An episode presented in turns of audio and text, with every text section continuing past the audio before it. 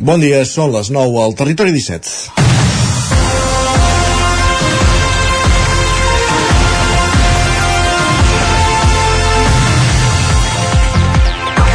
Les xifres d'afiliats a la Seguretat Social van a l'alça des de fa anys. Segons dades de l'IDESCAT, a Osona hi ha 73.370 llocs de treball. A Lluçanès, des que és comarca, les dades ara ja es donen segregades, són 2.590 i al Ripollès 11.155. Són dades que confirmen, superat el sotrac de la pandèmia, el mercat, que el mercat laboral remunta. L'economia es mou i s'ofereixen més llocs de treball. En el cas d'Osona, però, es produeix una paradoxa. Aquest creixement dels llocs de treball no va acompanyat d'una disminució de l'atur, que és molt al voltant dels 7.000 desocupats. La taxa d'atur s'ha estabilitzat a l'entorn del 8,3%. A l'edició de divendres, el 9-9 va publicar un reportatge sobre l'odissea que viuen les empreses per trobar treballadors. Organitzacions empresarials, sindicats i analistes coincidien a assenyalar que la taxa del 8,3% d'atur gairebé és estructural. En els últims 4 anys indiquen s'han incorporat al mercat laboral d'Osona unes 3.000 persones, una xifra equivalent al creixement de l'ocupació. És a dir, la major oferta de llocs de treball no s'ha cobert en perfils procedents de l'atur persones de més de 55 anys, estrangers amb majors dificultats d'inserció per qüestions formatives o de llengua i dones que estan inscrites a l'atur però que no poden comptabilitzar, compatibilitzar una feina amb les cures familiars que són perfils de desocupats que, segons una enquesta promoguda per l'Observatori Socioeconòmic d'Osona abans de la pandèmia, poden explicar aquesta taxa d'atur a la comarca d'Osona. Si es filtren les dades, la xifra d'aturats amb voluntat real d'incorporar-se al mercat de treball és menor. No obstant això, que la taxa oficial estigui al 8,3% en un moment en què les empreses expliquen per activa i per passiva que no troben personal és una mala notícia que obliga diverses reflexions. D'una banda, per avaluar si la formació és l'adequada per cobrir la demanda laboral existent i d'altra banda per analitzar també si els salaris que s'ofereixen són correctes. Si algú vol treballar però no ho fa per la retribució econòmica, les condicions laborals o la qualificació exigida, és també un fracàs del sistema. És dimecres 13 de setembre, en el moment de començar el Territori 17 a la sintonia de la veu de Sant Joan, Ràdio Cardedeu, Ona Codinenca, Ràdio Vic, el 9 FM i també ens podeu veure i el sabeu a través de Twitch, YouTube, Televisió de Cardedeu i el 9 TV. Territori 17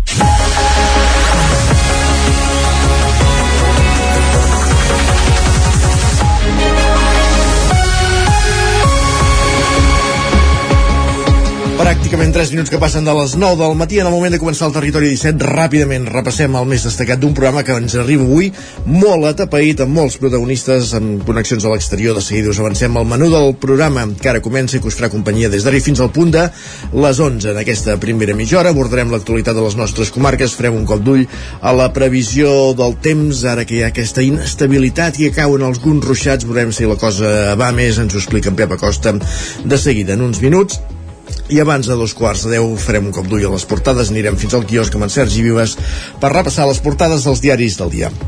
Pujarem al tren, a la tren d'Alba, a partir de dos quarts de deu a l'R3 amb l'Isaac Muntades, recollint les cròniques dels oferts usuaris de la línia Barcelona Granollers, Vic, Ripoll, Puigcerdà i a l'entrevista conversarem amb l'alcalde de Sant Joan de les Abadesses, amb en Ramon Roquem, en un mes de setembre atapeït d'activitats festives de Sant Joan. Acabem de deixar enrere la festa major però ja veiem a l'horitzó la cursa del Taga o la festa del Grito. De tot plegat, com dèiem, en parlarem en companyia de l'Isaac Muntades amb l'alcalde de Sant Joan de les Abadesses, Ramon Roquer, a partir de dos quarts de deu i algun minut del matí.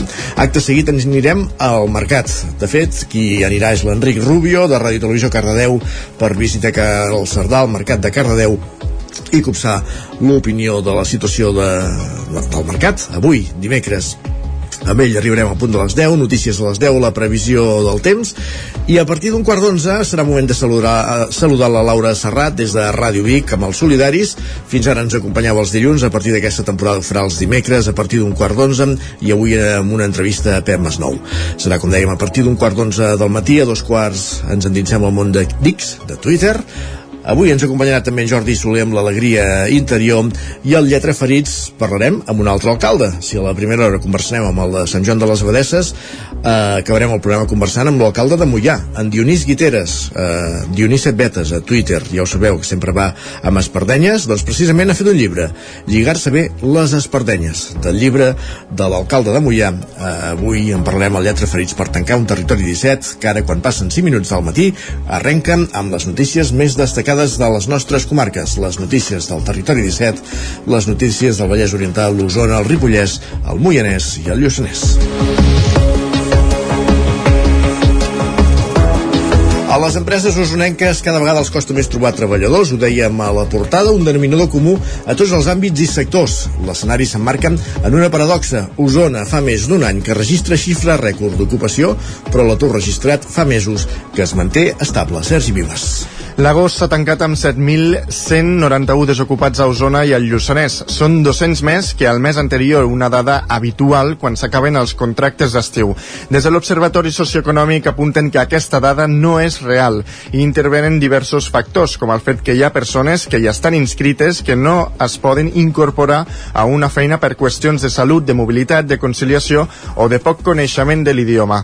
Les polítiques adreçades als joves, finançades en part amb recursos provinents de d'Europa han tingut efecte en aquest col·lectiu. Per això es demanen iniciatives similars focalitzades en persones més grans. En parla Estivaliz Pous, de Comissions Obreres. Però no es tracta de fer cursos i que automàticament la gent adquireixi unes competències, sinó que són gent que porta molt de temps a, segurament a, amb la recerca de feina i per tant necessita un acompanyament que vagi més enllà d'una simple formació per a adquirir doncs, unes competències i alhora les empreses tenen dificultats per trobar treballadors, una problemàtica que no se circumscriu només a sectors on pot semblar més habitual, com és el de l'hostaleria, sinó que estan arribant a tots els àmbits.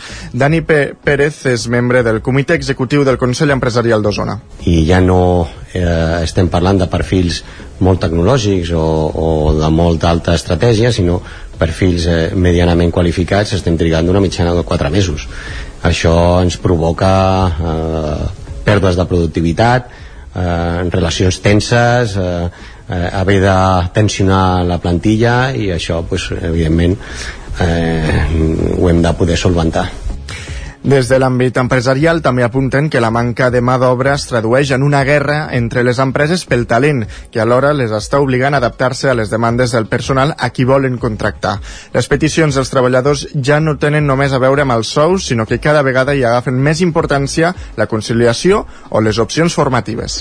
Més qüestions. Després d'un any en què Cardedeu ha estat a l'ordre del dia al porta a porta, amb detractors i defensors, l'Ajuntament comença a prendre mesures pel bon compliment d'aquest mètode de recollida de deixalles i a partir d'ara obrirà bosses Enric Rubio, Ràdio Televisió Cardedeu. Així és, Isaac, el porta a porta ha estat possiblement el tema més controvertit entre els vilatans i vilatanes de Cardedeu des de la seva instauració. I tot i que l'Ajuntament ha distribuït informació amb pautes clares sobre com reciclar els horaris de recollida i com i quan treure els cubells des de la seva implementació, s'ha detectat un mal ús d'aquest servei per veïns que deixen bosses d'escombraries en punts no habilitats al voltant de les papereres dels parcs, en camins enmig del carrer o en espais naturals, entre altres llocs, és on l'Ajuntament denuncia que persones incíviques abandonen les seves escombraries. Tant és així que des d'aquest s'ha decidit començar a obrir les bosses que es troben en llocs inadequats amb l'objectiu de poder multar els infractors amb uns imports que van des dels 400 als 4.000 euros. Seguirem ben de prop aquesta iniciativa i us mantindrem informats sobre els seus resultats. Doncs ho anirem ballant. Gràcies, Enric. Parlem d'aquí una estona. Avancem. Vall de Núria enceta el projecte Ecovall per millorar la sostenibilitat. Isaac Montades, la veu de Sant Joan. L'estació d'esquí de Vall de Núria impulsarà el projecte Ecovall, que pretén crear un marc de desenvolupament de diverses accions alineades amb els objectius de desenvolupament sostenible. De fet, com apunta les relacions públiques i cap de premsa de l'estació, Ruth Bové, Vall de Núria sempre s'ha caracteritzat per ser pionera amb l'impuls de la sostenibilitat i la cura del medi ambient. Per exemple, amb la inauguració del tren cremallera del 1931, que va permetre que no arribessin mai cotxes a la vall, i l'obtenció de l'ISO 14001 al 2001, que és una norma internacional que estableix com implantar un sistema de gestió ambiental eficaç que s'ha de renovar periòdicament. Per una banda, el projecte Ecovall té tres objectius estratègics, com són el posicionament, el territori i la sostenibilitat. Per l'altre, es faran projectes tangibles, com per exemple la millora de l'embolcall tèrmic dels edificis de l'estació d'esquí. Ho apuntava Ruth Bové. És un projecte que, que està previst a partir del 2024. Ah, aquest embolcall tèrmic que vol dir? Que, que els edificis de Núria, Núria s'esquien aquelles finestres, no? Vale, doncs per allà es perd sempre temperatura, vulguis que no. Després es fa com un reforçament a tot el, el que és els edificis perquè no es perdi tanta temperatura. Per tant, que això també és, és, és, bueno, és important per la geotèrmia i tot, perquè t'ajuda això, no?, a, a protegir, no?, per dir-ho manera, la temperatura. També se substituiran els jeeps que funcionen amb combustibles fòssils per vehicles tot terreny elèctrics. De moment se'n comprarà un que servirà per dur persones i mercaderies indistintament. També cal destacar el projecte Gasoil Zero per ampliar la instal·lació actual d'energia geotèrmica. Gairebé tot el complex hi està connectat, però faltaria unir-hi la zona de Sant Josep. Seguint en l'àmbit energètic, es farà una connexió de la minicentral hidroelèctrica i una hibridació de l'energia hidràulica amb la geotèrmica, que garantirà tenir més electricitat a menys cost. De cara a la temporada hivernal també es vol optimitzar el centre de producció de neu. Aquest estiu s'estan canviant els caps de producció per tal que es pugui fer neu amb una temperatura més alta, menys consum i cost i de la mateixa qualitat. El projecte Ecovall també s'encarregarà de fer un estudi global per l'exploració d'altres alternatives d'energies renovables, de preservar i promocionar el capital natural i de la reducció de plàstics conjuntament amb la gestió integral de residus. Gràcies, Isaac. Més qüestions. Comença el curs escolar per als 2.096 alumnes de batxillerat i els més de 2.500 de cicles formatius de grau mitjà i grau superior a Osona i al Lluçanès, Sergi. A l'Institut de Vic, que amb més de 2.000 alumnes és el més gran d'Osona i el segon amb més estudiants de Catalunya, els diferents grups van anar entrant de manera esglaonada a partir de les 8 del matí, ahir. Pel que fa al batxillerat, a banda de les dues modalitats més esteses, el científic tecnològic i l'humanístic social, el centre també ofereix un batxillerat combinat amb ensenyaments esportius. En l'apartat de formació professional, l'Institut de Vic compta amb més de 60 grups i novetats com la incorporació d'un cicle de grau mitjà en química o un cicle de formació i inserció d'auxiliar de fleca i pastisseria. En parla Anna Mesalles, subdirectora d'Ensenyaments Professionals de l'Institut de Vic. Si la comarca necessita certs cicles, apostem pels cicles perquè hi ha inserció laboral. L'FP és perquè estem, um, fem una inserció laboral. Al acabar el cicle els alumnes van a treballar. Per tant, si la comarca requereix, hem de donar la formació, si no marxen, no? I llavors encara hi ha algun cicle que hauríem d'oferir la comarca que no s'està oferint, com el de mecànic d'automoció, de camió. Des de l'Institut asseguren ara per ara el creixement de l'oferta està condicionada per la manca d'espai. Núria Llorenç és la coordinadora pedagògica de batxillerat i ESO. Tant a l'ESO com al batxillerat el que intentem és oferir la màxima qualitat educativa i per tant el que fem és intentar que els grups tinguin una ràtio baixa de tres grups ordinaris a l'ESO, de tres grups eh, a l'ESO en fem quatre i al batxillerat eh, bueno, apliquem la mateixa política educativa. De, uh, la demanda de cicles formatius és especialment elevada en l'àmbit de les emergències sanitàries i les cures, el comerç o la mecanització. Gràcies, Sergi. Més qüestions. El biguetà Miquel Saborit fa 10 anys que penja l'estelada a la xamaneia del Sucre, un dels punts més alts de la ciutat. Hem conversat amb ell per conèixer aquesta curiosa afició. Faltaven només uns dies perquè una cadena humana feta per 1.600.000 persones recorregués 400 quilòmetres de nord a sud del país quan l'escalador biguetà Miquel Saborit va enfilar-se per primera vegada a la xemeneia del Sucre de Vic per Isari una estelada. Una estelada. Era l'any 2013, ara fa exactament 10 anys, i el país es trobava a les portes d'una dècada clau pel moviment independentista. Que l'estelada comencés a lluir al capdamunt de la xemeneia va ser una proposta de l'ANC i la Unió Excursionista de Vic. Des de llavors Saborit la canvia cada any perquè amb el pas dels dies diu es escoloreix i s'acaba trencant. Malgrat fa 10 anys que Saborit puja a la ximeneia, el que molts encara no saben és com ho fa, això ho explica. Has d'entrar per l'edifici del Sucre, passar per sota, que hi ha com una, una galeria, que hi passaríem drets, que vas a parar a la base de la xemeneia del Sucre, però és per sota del nivell del carrer. I després, si la xemeneia fa 42 metres d'alçada, fins a 30 metres hi ha una escala de gat, que és el que em va dir el meu avi, que puges amb una escala de gat. I després dels 30 metres fins a dalt, fins als 42 o fins 45, perquè hi ha uns metres de baix, hi ha una corda per pujar hi ha una corda. La corda arriba fins a baix. Després, quan jo començo a baix, amb doble assegurança m'asseguro amb la corda. O sigui, jo vaig pujant tranquil·lament, però si em deixés quedaria penjat a la corda.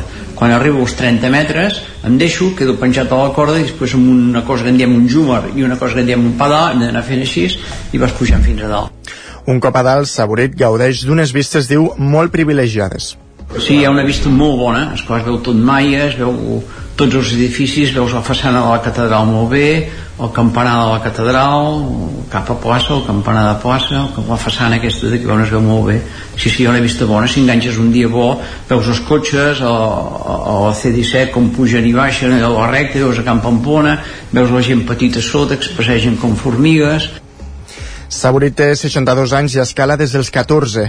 Espera poder canviar la bandera molts anys més, però per si de cas ja s'ha assegurat el relleu. Serà una escaladora de tona que diu pot pujar a la ximeneia sense perill i sense por. Un concert del pianista Marco Mesquida, convertit en una figura internacional del món del jazz i les músiques improvisades, obre aquesta tarda a l'Atlàntida la 35a edició del Mercat de Música Viva de Vic. I, de fet, aquest matí ja començarà l'agenda professional que inclou pitchings, presentacions breus de projectes o speed meetings, trobades ràpides entre professionals. De fet, avui els professionals podran gaudir de les actuacions de Carles Cases Strings Bands i Maria Ein, entre d'altres. Divendres al vespre clouran els actes dirigits als professionals i l'Atlàntida deixarà pas a la plaça Major i el Sucre com a escenaris principals. I a la carpa de l'Atlàntida, precisament avui a la nit, es podran veure gratuïtament dos concerts. El primer a les 9 anirà a càrrec de Boye. És un projecte de David Menéndez que parteix del rap i l'espoken word, és a dir, performance poètica i musical amb elements electrònics. I a continuació, a tres quarts de dotze, es donarà pas a un artista internacional, Via Ferreira. Presentarà el seu tercer disc, Faminta, on el so africà es barreja amb la samba, l'R&B o el reggae, acompanyada també de lletres amb una important càrrega social i del Mercat de Música Viva la Festa Major de Sant Feliu de Codines que ja escalfa motors de cara a, com dèiem, aquesta Festa Major que donarà el, el seu tret de sortida demà dijous i que s'allargarà fins dilluns. A més, enguany s'amplia la presència del Punt Lila durant totes les nits de festa Roger Ram, zona codinenca. Sí, en total, enguany hi ha més d'una seixantena d'actes programats a la Festa Major de Sant Feliu que s'han impulsat tant des de la Comissió de Festes com també des de les entitats del municipi. La regidora de Cultura de l'Ajuntament, Caral Vinyals, ressalta la feina que hi ha al darrere de la festa i la implicació que han mostrat tant els treballadors de l'Ajuntament com també els diferents actors implicats. Vinyals explica més que l'objectiu d'enguany és fer una festa transversal. L'escoltem la Festa Major d'enguany el que hem intentat és que hi hagi activitats, com sempre, per totes les edats, perquè és una festa transversal de Sant Feliu. Per tant, cada dia hi ha activitats per tothom, des del dijous fins al diumenge. M'agradaria agrair la tasca eh, de la comissió de festes perquè des de fa mesos i mesos ja estaven treballant per aconseguir dissenyar la programació d'aquesta festa major. I són ells sobretot els que proposen, busquen, miren, és molta um, col·laboració, és molta coordinació entre comissió de festes, entre treballadors de l'Ajuntament, entre entitats, eh, perquè tot al final acabi sortint rodó. La regidora fa una crida a la participació als actes i, sobretot, a viure una festa amb respecte i sense violència. En aquesta línia explica que enguany s'amplia l'horari del punt lila que es trobarà operatiu durant els quatre dies de festa una crida mm, a la participació que, que la Comissió de Festes ha treballat des de fa molts mesos per aconseguir aquest programa i m'agradaria també demanar que sigui una festa major amb consentiment, amb respecte, amb diversitat, en comunitat, lliure de violències masclistes, cap tipus de violència, perquè entre tots aconseguirem passar-nos-ho molt bé. Aquest any, a més a més, hem, hem cregut convenient ampliar l'horari del punt lila. De fet, hi serà des de, des de que pràcticament comença la festa a la carpa fins que acaba la, la festa tant a la carpa jove com a la carpa de dalt. Aquest dijous a tres quarts de nou del vespre, l'encarregat de donar el tret de sortir dels actes serà l'humorista Toni Albà, que farà el pregó de festa major. També dijous s'inaugurarà l'exposició de pintures locals al Centre Cívic La Fonteta, a més de l'espai de barraques i la tòmbola al Casal Codinenc.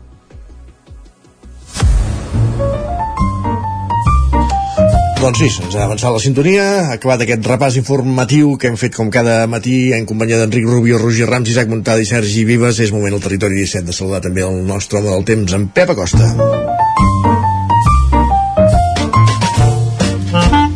Casa Terradellos us ofereix el temps. Pep, benvingut de nou, bon dia. Com evolucionarà aquesta inestabilitat que veiem al cel? Hola, què tal? Molt bon dia. Benvinguts a l'espai del temps Ahir, novament, eh, les tempestes, les precipitacions, els ruixats, eh, no ens van tocar de ple. Mm, va tot de ploure a les zones on més ha plogut aquest estiu, cap al nord de les nostres comarques, al nord d'Osona, entre 10 i 15 litres, i sobretot ahir la zona Molló. Molló són les pròximes amb més de 60-70 litres. Una tempesta eh, molt important, però molt localitzada i que va afectar eh, aquella zona i a pocs quilòmetres més. Cap a la zona de Ter, eh, Núria també una precipitació però molt menys important. Eh, continua la sequera molt important molt important cap al sud d'Osona, cap al Vallès, Moianès, eh, aquestes zones, aquests l'últim mes i mig ha pogut molt poc, ha fet molta calor i per tant l'estrès hídric és eh, molt, molt preocupant. Però bueno, eh, aquesta setmana anirem tenint oportunitats com la d'ahir. Esperem que algun dia en aquesta zona eh, pugui tocar um, gairebé la loteria, podríem dir, en forma de precipitacions i per fi pugui ploure una mica eh, en aquestes localitats, en aquests boscos, en aquests pantans, eh, que fa molta, molta falta. Aquests camps, aquests camps de, de, de, de, la, aquests camps de, de, de pagès que pugui ploure també és molt, molt important. I avui com deia tenim una nova oportunitat. A Can Matí no, a Can Matí s'estan produint algunes tempestes cap a la costa però ens afectaran a nosaltres. Uh, després d'una nit amb unes temperatures una mica més altes del normal, la majoria de mínimes entre 15 i 20 graus, lògicament per sota dels 15 graus a les zones del Pirineu. Però una nit eh, amb no gaires núvols, bastant serena i amb bastanta humitat. Es nota encara que hi ha molta humitat, hi ha molta humitat eh, i això fa que la nit encara sigui bastant càlida en algunes eh, poblacions. De cara a la tarda, creixeran nuvolades, eh, poden créixer amb força, hi ha aire fred, esperem que pugui que toqui, que toqui ploure a les zones on no ho va fer ahir, o bueno, que també que plogui a les zones on va fer ahir, però també les zones on, on no ho va fer ahir. Uh, cap al sud d'Osona, Moianès, Vallès, esperem que avui pugui haver-hi alguna precipitació. Són difícils de predir. Tempestes molt irregulars eh, que, que com deia ahir plou en un lloc i a cap de dos quilòmetres no plou gens i al revés eh, plou molt hi plou molt poc i al cap de dos quilòmetres eh, plou moltíssim.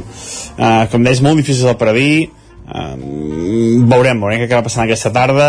Jo crec que cap al Pirineu pot ploure i també sobretot cap a transversal i cap a, cap al Montseny i les Guilleries. Um, però ja et dic, són capritxoses aquestes tempestes i poden caure a qualsevol punt. Localment uh, fortes les temperatures molt semblants a les d'ahir. Uh, aquest setembre continuem amb aquesta dinàmica de temperatures una mica més altes del que tocaria. I això és tot. Moltes gràcies, adeu. Parlem d'aquí una estona, gràcies, Pep. Casa Tarradellas us ha ofert aquest espai. Territori 17. Envia'ns les teves notes de veu per WhatsApp al 646 079 023. 646 079 023. WhatsApp Territori 17.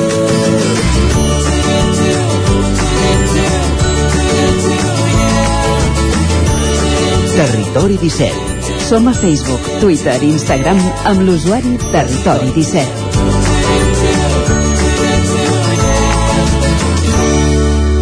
Moment d'anar cap al quiosc al territori 17.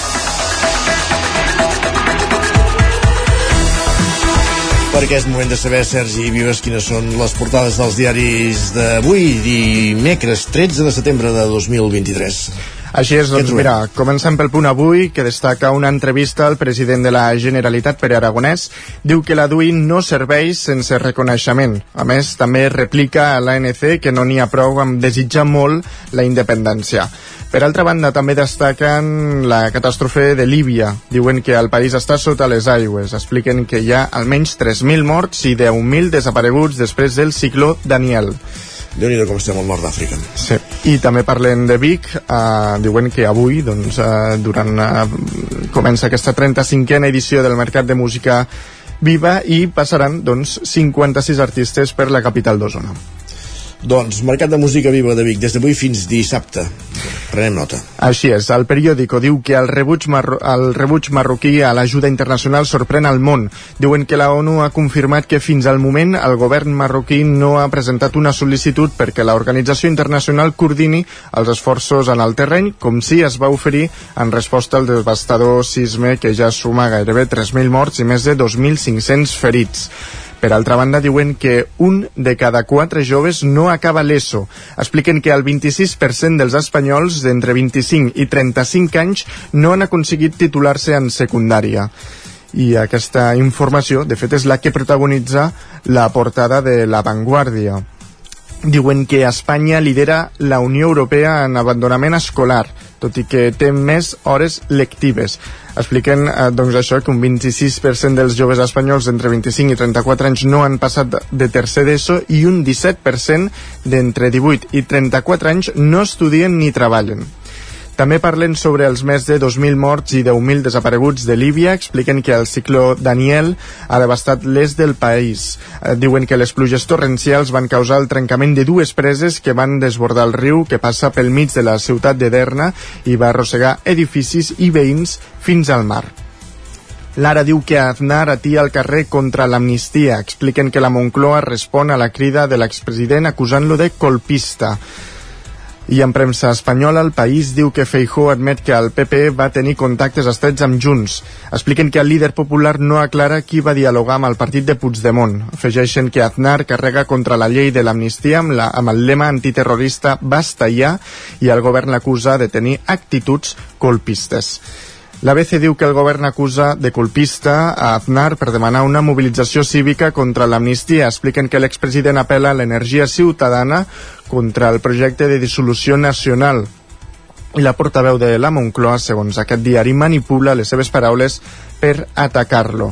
I el Mundo diu que Puigdemont ja rentabilitza la negociació amb Sánchez i supera Esquerra. Expliquen que Junts seria el partit independentista més votat si es repetissin les eleccions generals i guanyaria influència amb un altre escó. Afegeixen que el PSC tornaria a guanyar les autonòmiques, però el bloc separatista continuaria tenint la majoria absoluta.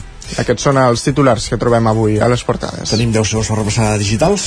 Doncs mira que arrenca el 35è Mercat de Música Viva de Vic carregat de novetats al 99 d'Osona i el del Vallès Oriental que una entitat de Canovelles envia material solidari pels afectats del terratrèmol de Marroc. Pausa i tornem. Amb Pradell estalvio energia i cuido la meva butxaca i el medi ambient. Posa't en mans a Pradell, són experts en calderes de gas i condensació, estufes de pèl·let, energia solar, terres radiants i geotèrmia. Pradell instal·la calderes de biomassa per a particulars i per a empreses. Si vols estalviar un 50% en consum, contacta amb Pradell i passa't a les energies renovables. Pradell, som a l'Avinguda Països Catalans 27 de Vic. Telèfon 93 885 1197. Pradell.cat. Quan tingui un problema amb la seva caldera, vagi directament a la solució. Truqui sempre al servei tècnic oficial de Saunier Duval i despreocupis, perquè som fabricants i coneixem les nostres calderes peça a peça. I ara aconseguiu fins a 300 euros en canviar la caldera. Informeu-vos al 910 77 10 50 o a saunierduval.es. Aquest estiu et mereixes un somriure ben refrescant. Per això, quan tothom se'n va, a les clíniques dentals d'instituts odontològics no tanquem i t'oferim un descompte del 20% en tots els tractaments. Demana cita ja a ioa.es o trucant al 900 131 002. Instituts odontològics, perquè quan estàs bé, somrius. Ens trobaràs a la Ronda Francesc Camprodon 11 de Vic. Creure que sí, que la vida és avui i no ahir. Coco ens presenta Llimona i Sal. Si tu m'agafes per la cintura i jo t'envolto contra natura, seguint el ritme que no s'atura. Coco, el grup format per la Fiona i la Clara, connecta amb el públic des del primer moment. Coco és alegria, intensitat i diversió. Hasta les hores, si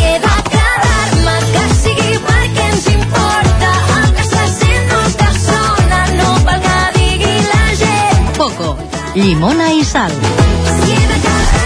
Amb el suport del Departament de Cultura. Ser a prop vol dir veure les coses més bé. Apropa't al que t'interessa amb la xarxa Més. La teva plataforma audiovisual de qualitat, proximitat i gratuïta. Gaudeix dels continguts de més de 30 televisions locals i podcast quan, com i on tu vulguis. Entra a la xarxa més.cat i descarrega't l'app. Cocodril Club.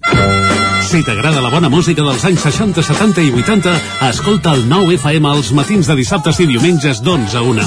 És el temps del Cocodril Club, tot un clàssic de la ràdio, amb les bases del pop-rock, les llegendes, les cançons que s'han convertit en autèntics himnes. Recorda, dissabtes i diumenges al matí, d'11 a 1, al 9 FM 92.8. Cocodril Club, el programa revival de l'Albert Malla. Hasta luego, cocodrilo. Anuncia't al 9FM. La màquina de casa. 9 3 8 8 9 4 9 4 9 Publicitat arroba al 9FM.cat. Anuncia't al 9FM. La publicitat més eficaç.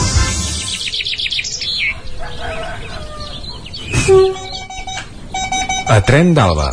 Cada dia els usuaris i usuàries de la línia R3 de Rodalies que veuen sortir el sol des d'un vagó ens expliquen les gràcies i les penes del primer comboi que uneix Ripoll i Barcelona o les feixugues jornades amb el tren després de treballar. Benvinguts a Tren d'Alba. Per desgràcia, aquest retorn de l'R3 ve marcat per la tragèdia, perquè diumenge va haver-hi un atropellament mortal a les vies de Montmeló, en què van perdre-hi la vida tres noies i un noi d'entre 19 i 22 anys de Barcelona i Madrid. Els joves formaven part d'un grup de set persones que creuaven les vies de la línia R3 per un lloc prohibit per anar a un festival de música tecno que es feia als voltants del circuit de Barcelona-Catalunya. Els altres tres acompanyants van ser traslladats a l'Hospital de Mollet del Vallès. En fi, només donar el condol a la família de les víctimes i al conductor del comboi, que ho estaran passant molt malament després d'aquest tràgic accident. En Jordi Valls, a qui retrobem a l'antena, també ens ho explica la crònica d'avui. Bon dia, sóc en Jordi de Centelles. Tot torna. Torna al setembre a fer el primer àudio, tornen els 10 minuts de retard, tot torna. Ostres, avui dia de retrobada amb les amigues del tren, perquè aquestes setmanes havien estat una mica boges, i avui primeres maletes amb la primera canalla que va fer estudis superiors, cares a despistades, no saber sortir de l'estació, tot torna. Ai, bueno, bé, no? Hòstia, és molt d'hora. No, bé no, és molt d'hora. Res, eh, de novetats que tenim a la línia són les properes obres que sembla que a l'octubre cauran i la feina de, perquè no ens fotin el tren, una altra plataforma i els ajuntaments per veure que no quedi un nyap, realment estan fent una feina ingent i super destacable. La plataforma per la promoció del transport públic és l'altra plataforma, és que és un nom molt llarg i no me'n recordo. I com a notícies, ostres, eh, l'accident de l'altre dia a Montmeló. Hòstia, és que és un tren és molt gran, eh? Pesen molt, eh? Frenar allò allò no es frena, eh? allò triga molt. Hosti, hem de, hem de donar-li voltes, eh? No ho dic per allò, sinó per quan passem pels passos habilitats, si no hi ha un tren al mig. Quan passem pels passos d'habilitat s'ha de vigilar molt. La canalla a Centelles, la canalla que porten a l'escola i atravessen per dur a l'escola a l'estació. Hosti, ho hem de pensar molt, eh? Mm, és perilloset, això. Res, però va, endavant, és dimarts, un dia menys, i que vagi molt bé. Una abraçada. Ben trobat, Jordi. Això de tornar a la feina és com la tornada a l'escola, però almenys et paguen, que sempre està bé. Va, ens retrobem demà amb més històries del tren i de l'R3. Territori 17. I al Territori 17 parlem tot seguit amb l'alcalde de Sant Joan de les Abadesses, amb Ramon Roquer.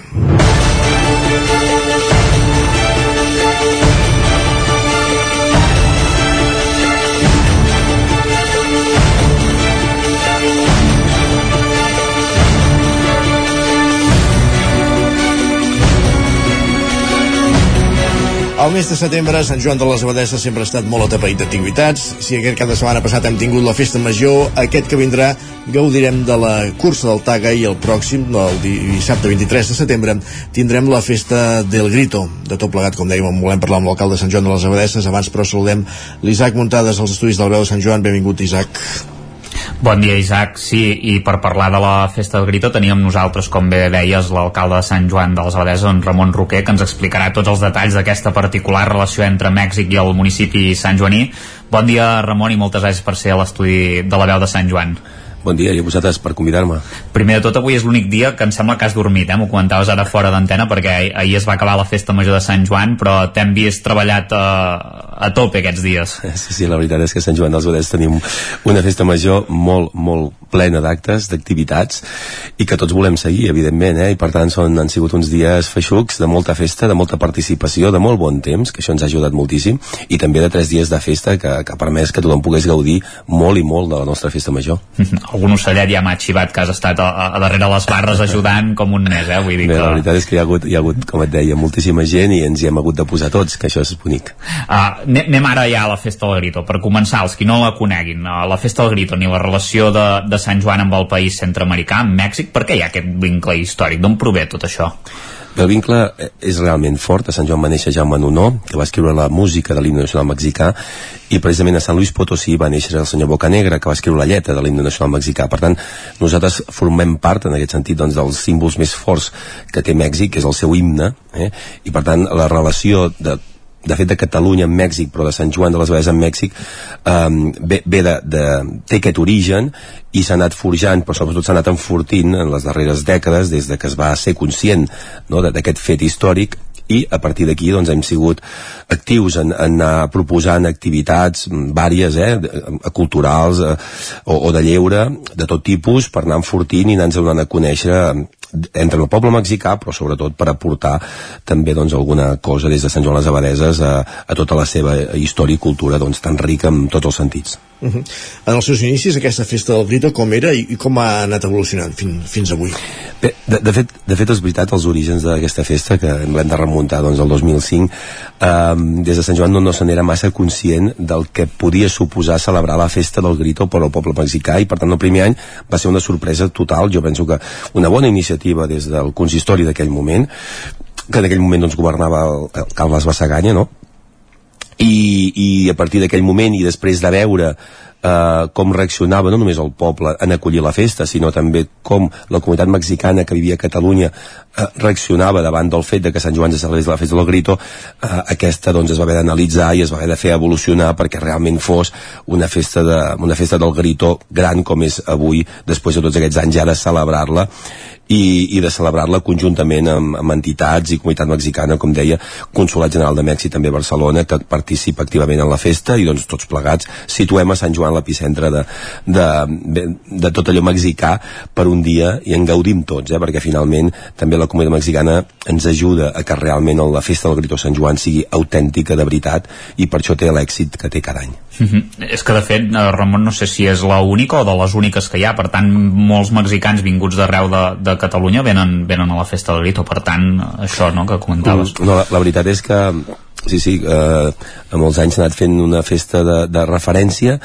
Eh, de fet va ser Sant Joan que va començar la festa del Grito a Catalunya i al cap d'uns pocs anys la, so- sobretot una, una de les entitats més fortes a Catalunya de mexicans que és Mexcat va començar la pròpia festa del Grito a Barcelona el, eh, al Poble Nou, concretament, i, i de fet doncs, aquesta festa a Barcelona també ha anat creixent en força i de fet nosaltres ens hem resituat en el calendari i a Barcelona crec que aquest any doncs, se celebra eh, el dissabte 15 i, i a Sant Joan doncs, com deia ens hem desplaçat uns dies per no coincidir Mhm. i perquè també doncs, tant Mexcat com la resta d'entitats com bé, tota la comunitat pugui també desplaçar-se a Sant Joan hi ha, hi ha espai de sobres per poder celebrar les dues festes del Grito a Catalunya crec que a més hi ha molt bona sintonia entre les dues festes i els organitzadors de les dues perquè de fet d'alguna forma o altra nosaltres col·laborem potser poc amb la festa que fa a Barcelona, però sí som presents i ells, evidentment, eh, participen activament i es fan seva la festa del Grito de Sant Joan de les Abadeses. Mhm. De fet, el millor es fa esperar, eh, Ramon, que per, per fer una mica la broma. Uh, si et sembla, repassem una mica les activitats de, del dissabte de la setmana vinent, el dia 23. En primer lloc, a les 10 del matí s'obriran les parades de productes artesanals mexicans i també hi haurà tot tipus d'articles, però, però quines activitats més tindrem durant el matí? Mira, de, de fet, doncs, com bé deies, a, a partir de les 10 ja tenim una plaça plena doncs, de parades mexicanes autèntiques de tot tipus de productes, sobretot les gastronòmiques, que jo crec que és d'aquelles que, que agraden més a tothom, i a les 11 ja obrim amb un taller infantil, agua mi pinyata i trencament de pinyates, eh, per tant és un matí d'alguna forma molt dedicada a, als nens i nenes.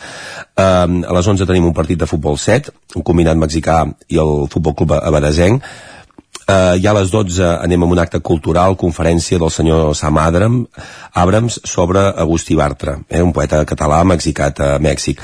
Aquest acte el farem a l'espai Art 60. A les 16.30, ja després de, del dinar, tenim més trencament de pinyates, així comencem la tarda, però ja de seguida, doncs a les 5.30 fem un espectacle que es diu Des de la Raïz, i seguim a les 7 ja sí amb el grito de la independència aquest any a càrrec de, uh, de la Clàudia que és la cònsul uh, titular del Consolat de Mèxic a Barcelona seguidament uh, fem uh, l'himne nacional toc, sentim l'himne nacional mexicà i també una sardana eh, que es diu Un Sant Joaní a Mèxic, eh, composada pel Ramon Oliveres, en aquest cas Sant Joaní.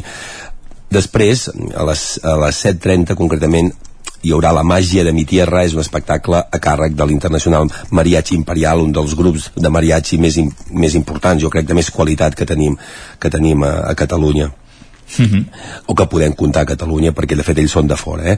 per tant un, un dia eh, molt ple d'activitats activitats eh, pures eh, pures mexicanes en el sentit de que són mexicans eh? tots són grups mexicans eh, qui, eh, qui faran cada un d'aquests espectacles i per tant doncs, podem gaudir d'aquesta cultura autèntica com si ens poguéssim traslladar per un dia, per unes hores eh, pr pròpiament en una comunitat mexicana a Catalunya o mm, com si estéssim a, Mèxic mateix. Mm -hmm ens ho has comentat uh, un moment, has, has avançat ja quasi bé, bueno, totes les activitats uh, te'ns has avançat. Uh, hi ha el punt àlgid de la jornada que ho has comentat, que és el grito de la, de la independència, que això es fa a la tarda, no? Uh -huh. uh, has explicat una mica com era, què, què és exactament? I és un moment molt emotiu, oi? Uh, segurament el més emotiu del, del dia. No, i evidentment, és el, és el més solemne. De fet, nosaltres, per, per fer el grito, eh, el grito, no?, que sempre doncs, és la pròpia cònsul eh, del Consolat General de Mèxic qui es fa, qui es fa càrrec no, de, de, de fer el grito de la independència de Mèxic. Eh, els fem el, a la Casa del Palmàs eh, vull, vull explicar que la Casa del Palmàs és una casa eh, dedicada a Jaume Nonó. Eh, és una casa noble en què el 2010 coincidint amb el bicentenari de la independència de Mèxic vam eh, inaugurar una exposició dedicada a la vida de, de Jaume Nonó.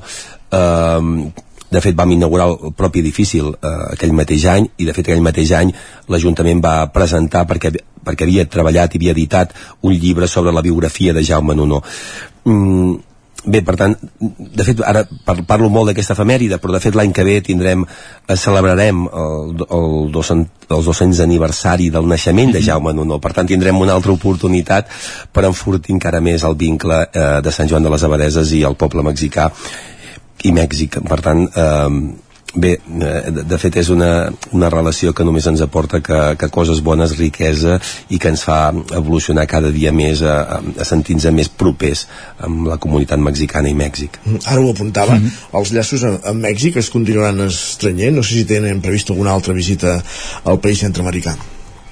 Bé, de fet, mm, de fet de la tardor passada vaig estar a Sant Luis Potosí participant um, amb el Festival de Ciutats Germanes que el municipi organitza cada dos anys i per tant, tot i la distància eh, sí que intentem també sobretot doncs, a, a nivell de, més, de, més de governs um, si més no cada, entre, cada dos quatre anys intentem doncs, que hi hagi un intercanvi ja sigui doncs, a Sant Luis Potosí mateix o ja sigui Sant Joan de les Abadeses doncs, entre els governs per anar planificant precisament actes que podem anar celebrant tant a, tant a Mèxic com, com a Sant Joan no?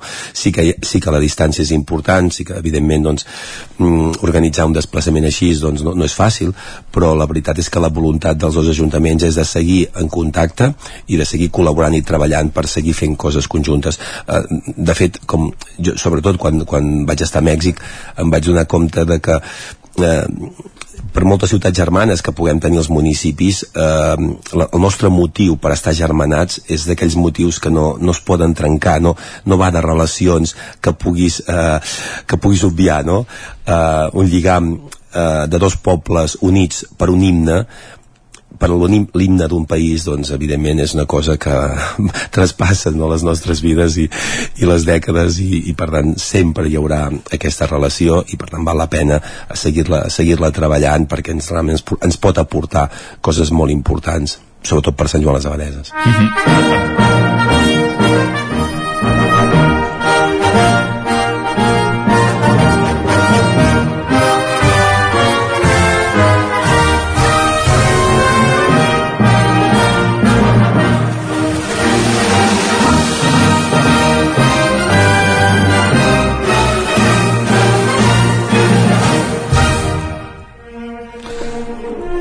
Pogut sentir l'himne de Mèxic, eh, que ens ho comentaves, eh, de, de, per un Sant Joaní. És un himne molt patriota, eh, amb un caire militar, ja es veu, no?, fruit d'un moment concret, i, i és veritat que se'ns posa la pell de gallina quan el sentim a la plaça just després del que la cònsul doncs, faci el grito de la independència de Mèxic sí, sí, la veritat és molt emotiu i emocionant doncs moltes gràcies Ramon Roquer, alcalde de Sant Joan de, de les Abaderes per haver-nos acompanyat eh, avui aquí, per explicar-nos una mica tots els detalls de d'aquesta festa del Grito encara queden uns dies, abans tenim la cursa del TAG eh, aquest cap de setmana, per tant no parem, eh, Sant Joan de les Abadeses. Desconnectar de seguida de la festa major i ja posar-nos a les piles perquè la cursa del Taga també és un, un esdeveniment esportiu de referència que l'any passat vam eh, formar part de la, de la Copa Catalana i, i crec que aquest any doncs, estem doncs, al, al complet eh, d'inscrits i ja preparant perquè tot funcioni i vagi molt i molt bé Perfecte, Ramon. Doncs moltes gràcies per haver estat avui al Territori 17 amb nosaltres. A vosaltres, gràcies per invitar-me.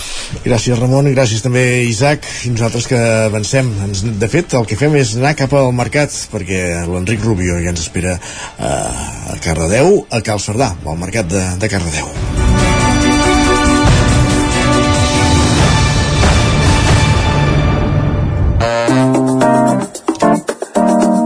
Territori 17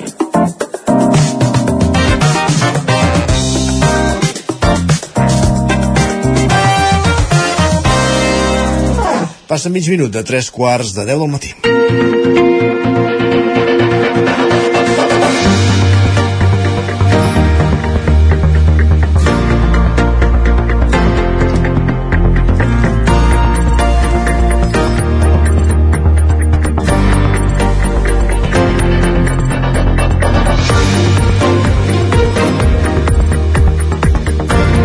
Avançàvem ahir, entre les novetats d'aquesta temporada del Territori 17 hi ha les sortides cada dia a l'exterior, a trepitjar carrer i avui a trepitjar un mercat, com està fent l'Enric l'Enric Rubio des de Ràdio Televisió Cardedeu.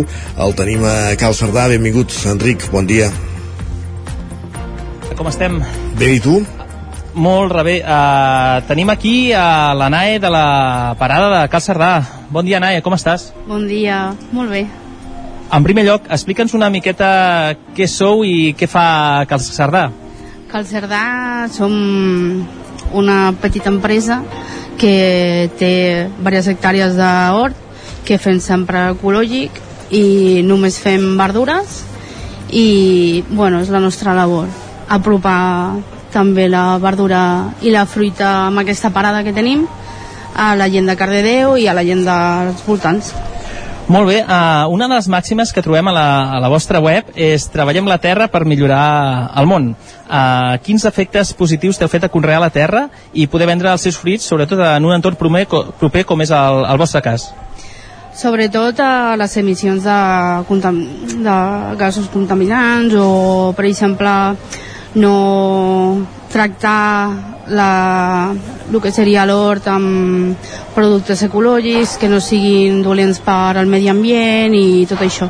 També al tenir tan a prop al, al terreny, diguéssim, eh, clar, és molt, molt més proper. Moltes vegades pel matí eh, els meus companys que treballen allà dalt a l'hort m'emporten tota la verdura diàriament pràcticament, o sigui que això també es nota. Això, això és tot un luxe, eh, realment. Uh, són moltes les famílies de, de Cardeu que aposten realment per una compra de, de proximitat. I precisament ara, amb la tornada de, a la rutina de la majoria d'elles, és el moment en moltes cases de, de tornar a dissenyar els menús per tota, per tota la setmana. Com heu notat a la botiga? Es reflexa aquest canvi d'hàbits de, de l'estiu a l'inici del curs escolar uh, en les parades del mercat? Sí, sí que es nota. Sobretot a l'agost la gent té té vacances, sobretot, amb, sobretot les famílies, i marxen i l'agost aquí al mercat és una mica com més fluixet, més tranquil, i a principis d'agost ja comencem amb, amb més moviment que també s'agraeix perquè és com fa més goig, no? Eh, tenir aquí gent comprant i lo típic de què tal les vacances és com el mercat és molt proper i això es nota molt l'agost no són vacances per vosaltres, però sí que esteu una miqueta més, més relaxats en aquest cas. Una, una de les opcions eh, que oferiu des de Cal Cerdà és la possibilitat d'encarregar una, una cistella de productes frescos. Com funciona? Quins són els punts de recollida i, i com i quan es distribueix? Mira, nosaltres, mira, avui mateix es munten les, les cistelles, les munten allà a l'hort i un dels punts és aquí al mercat, tu fas la comanda a través de la web, eh, catxarda.cat, llavors tu la demanes una setmana per l'altra, eh, fem dues mides, la petita i la gran. Tu agafes la que més et convé perquè no tens ningun tipus de compromís, això sí, que si tu vols per una setmana ho fas i si vols repetir, doncs ho, fas, ho vas fent. Llavors ve, pots venir a recollir-les aquí, a la fruiteria a la vila, t'ho podem portar a casa, a, a també hi ha un punt de recollida, hi ha diversos llocs. Això és perfecte tant per famílies que van atrafegades com per persones grans que potser no podien desplaçar-se tant, tant com volguessin. Aquesta cistella en si, um, de què consisteix? Verdura, fruita, és una mica un popurri de, del que podem trobar aquí a la parada? Sí, sobretot intentem aprofitar el que és el nostre, el nostre producte i d'altres companys que siguin propers, com per exemple Pla de Ver, que és aquí a Llinars, o La Fanacada, que és aquí també de Cardedeu, productes molt propers, però sí, porta tant fruita com, com verdura. I sempre intentem fer una recepta setmanal per aquella, perquè tingui sortida i perquè no fallis sempre el mateix o tinguis, coneguis altre, altre tipus de cuina Això és molt interessant i, de fet, de- d'aquí poquet i, i anirem, que et volia preguntar precisament per això. Isaac, ens volies comentar alguna cosa? M'ha semblat... No, ju- just demanar quantes cistelles fan a la setmana aproximadament de, de mitjana, diguéssim, com, com està anant la cosa. entre, fem entre 35 sí, una mitja de 35 setmanal Molt bé. setmanal, sí Podríem dir, eh, Nae, que, que ja han deixat enrere l'època potser daurada pels tomàquets o, o si més no, que l'estem acabant. Uh, quins són els productes estrella que trobem ara al camp? Què podem trobar a la vostra parada i què l'omplirà eh, aquesta propera estació que estem a punt de, de començar, que és la tardor? De tomàquet, per sort, nosaltres vam trigar una mica més en plantar, llavors tenim encara una mica de tomàquet que ens hem aprofitat una mica d'això, de que quan a tothom se li acabi nosaltres tenim una miqueta més, no? Que el tomàquet sempre és com el producte estrella i el que tothom demana tot l'any. Llavors, per nosaltres és un luxe tenir tomàquet encara. Però sí, aquest any han sortit mm, molt bons. La calor ha fet sí, sí que ha fet malbé algunes cosetes, però sí que és veritat que inclús de fruita també ha sortit més petita per falta d'aigua i coses així, però, però també ha sortit molt, molt bona. Podem dir que amb això que ens comentaves ara, que la incidència de, del canvi climàtic que estem, que estem vivint està fent potser que s'allargui una mica més la, la, la collita de tomàquets eh, amb comparació al que passava altres anys? Realment està canviant tot, tot, tot, tot perquè mm, ara tindrien que tenir algunes verdures que encara no terminen d'arribar per, per, tanta, per la calor que fa. Igual que les pluges igual tot el canvi climàtic la veritat que està canviant tot el que és producció i, i a vegades és una mica complicat realment es- està afectant molt a les zones de la plana com, com nosaltres, a tota aquesta problemàtica. Uh, segurament molts dels nostres oients estan en paper i boli prenent nota ara mateix. Uh, què els hi aconsellaries que no pot faltar cada setmana al rebost de casa, com a productes frescos? Com productes frescos jo sempre agafaria algo de fulla però sí que és veritat que ara la calor tampoc és que tinguem gaire però sí que comencem a tenir bledes per exemple, que tenen moltíssimes propietats eh, coses com porros carbassó també és de temporada el Virginia també és de temporada que ja queda poquet i tot el que sigui tradicional. O sigui, nosaltres sempre defensem lo tradicional Abans d'anar apuntaves un, un detall, el, el fet aquest que de tomàquets que vosaltres podeu allargar, heu pogut allargar la temporada perquè vau plantar més tard, però també deies, en demanen tot l'any.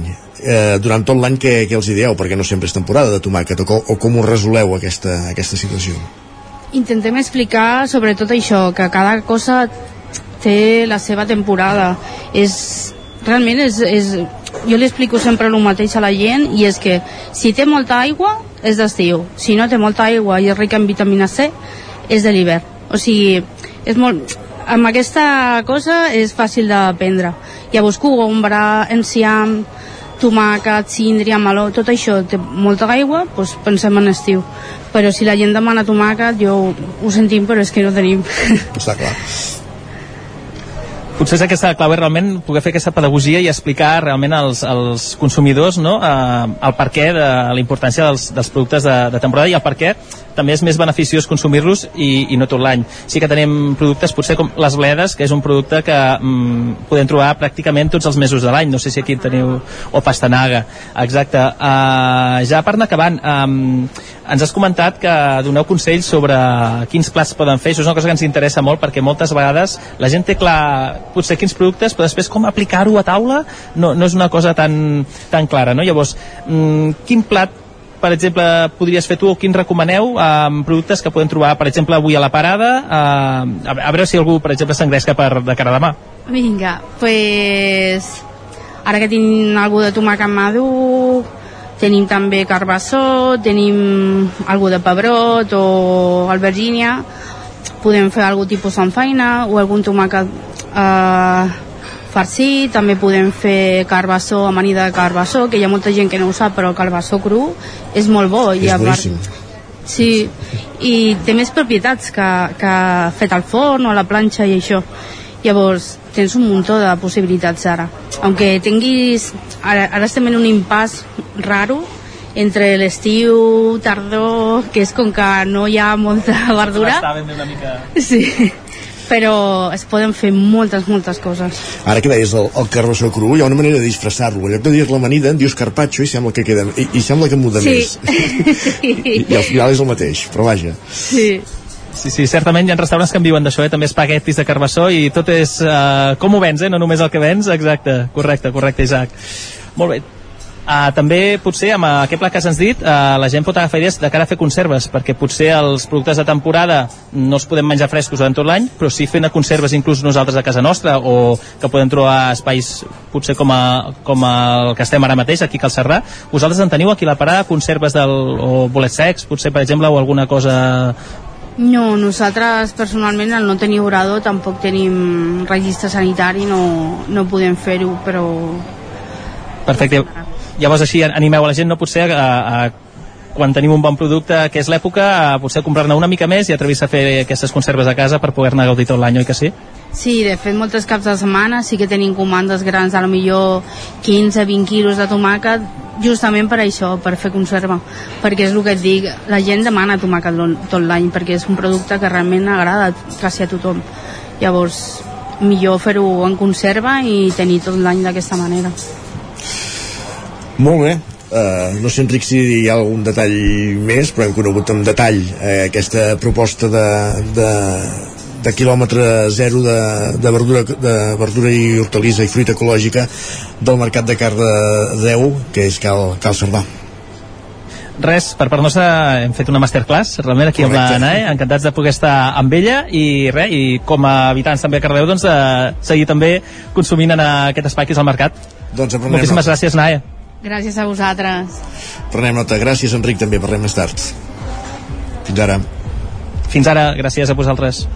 I arribarem al punt de les 10 amb música. Ja sabeu que ens agrada arribar a les 10 amb música i ho fem amb una estrena, un disc que veurà la llum en les properes setmanes, del qual divendres es coneixia aquest abans, començar de nou.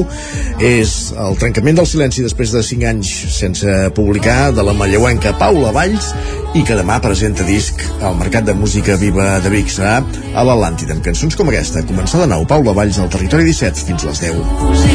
calaveres. El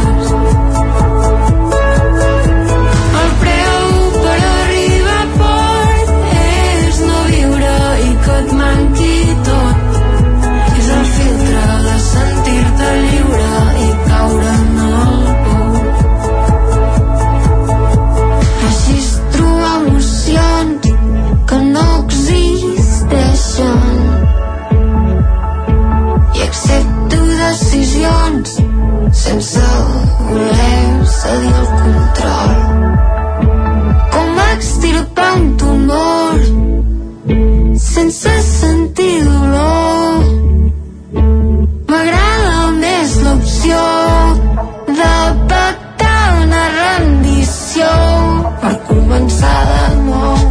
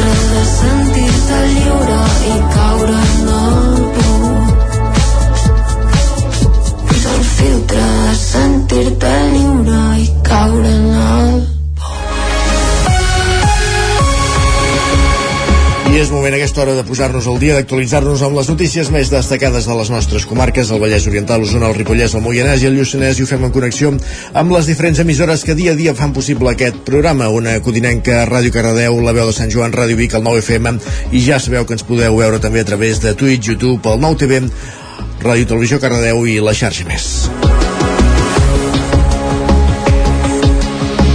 Continua creixent la xifra de morts i ferits a causa del terratrèmol que divendres a la nit va sacsejar el Marroc amb epicentre a uns 80 quilòmetres al sud-oest de Marrakeix. A hores d'ara es calcula que hi ha uns 3.000 morts i una xifra similar de ferits. Ahir en parlàvem aquí al Territori 17 amb un usonenc, Joan Barceló, que juntament amb la seva parella Clara Sabadell l'han viscut de ben a prop, però no són els únics sants i vives.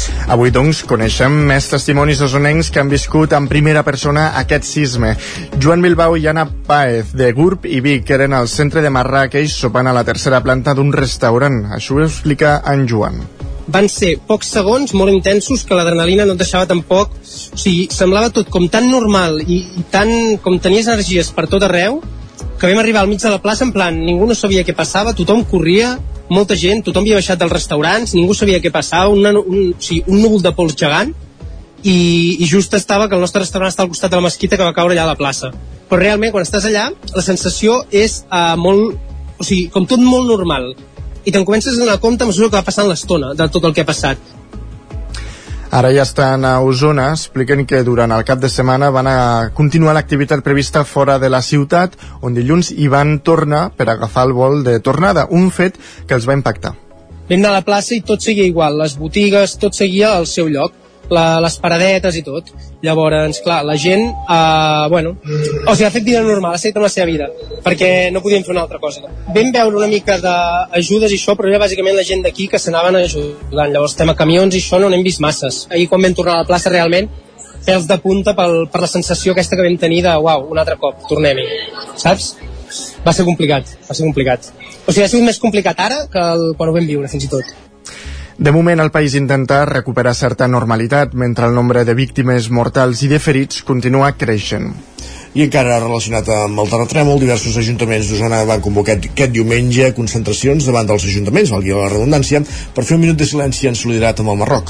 Des de Vic, per exemple, el consistori va expressar el suport a les víctimes i la predisposició de la ciutat a col·laborar amb el país. En parlava a peu de plaça l'alcalde Albert Castells. Evidentment, Vic és una ciutat diversa i estem en contacte permanent amb totes les comunitats eh, veïnals, religioses, culturals que viuen a la ciutat i, lògicament, la comunitat marroquina, que és la de les més nombroses, doncs estem en contacte des de primera hora d'ahir.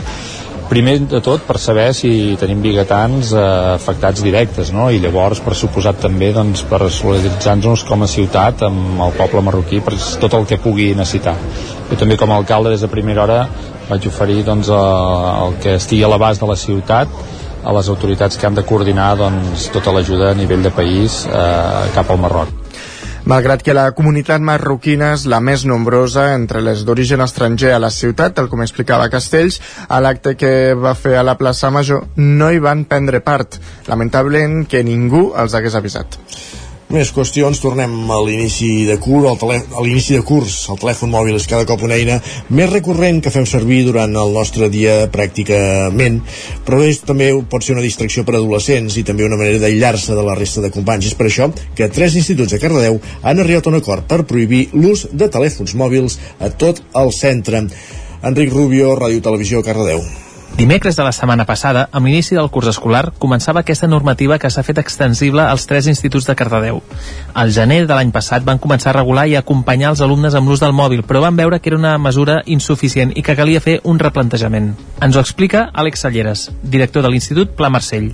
Des de fa 3-4 anys hem vist com hi ha hagut un canvi mm, d'hàbits, no? Hem passat d'un ús raonable, d'entendre el mòbil, les pantalles, els ordinadors com a eines, hem passat a entendre'ls com quasi companys inseparables, no? Uh, l'objecte necessari per relacionar-nos amb el món, etc. I això no ens, no ens estava agradant però sobretot el que ens preocupava molt era aquesta relació amb, amb aquesta eina, amb, amb el mòbil, amb les pantalles dels ordinadors. Això és el que ens preocupava eh, especialment.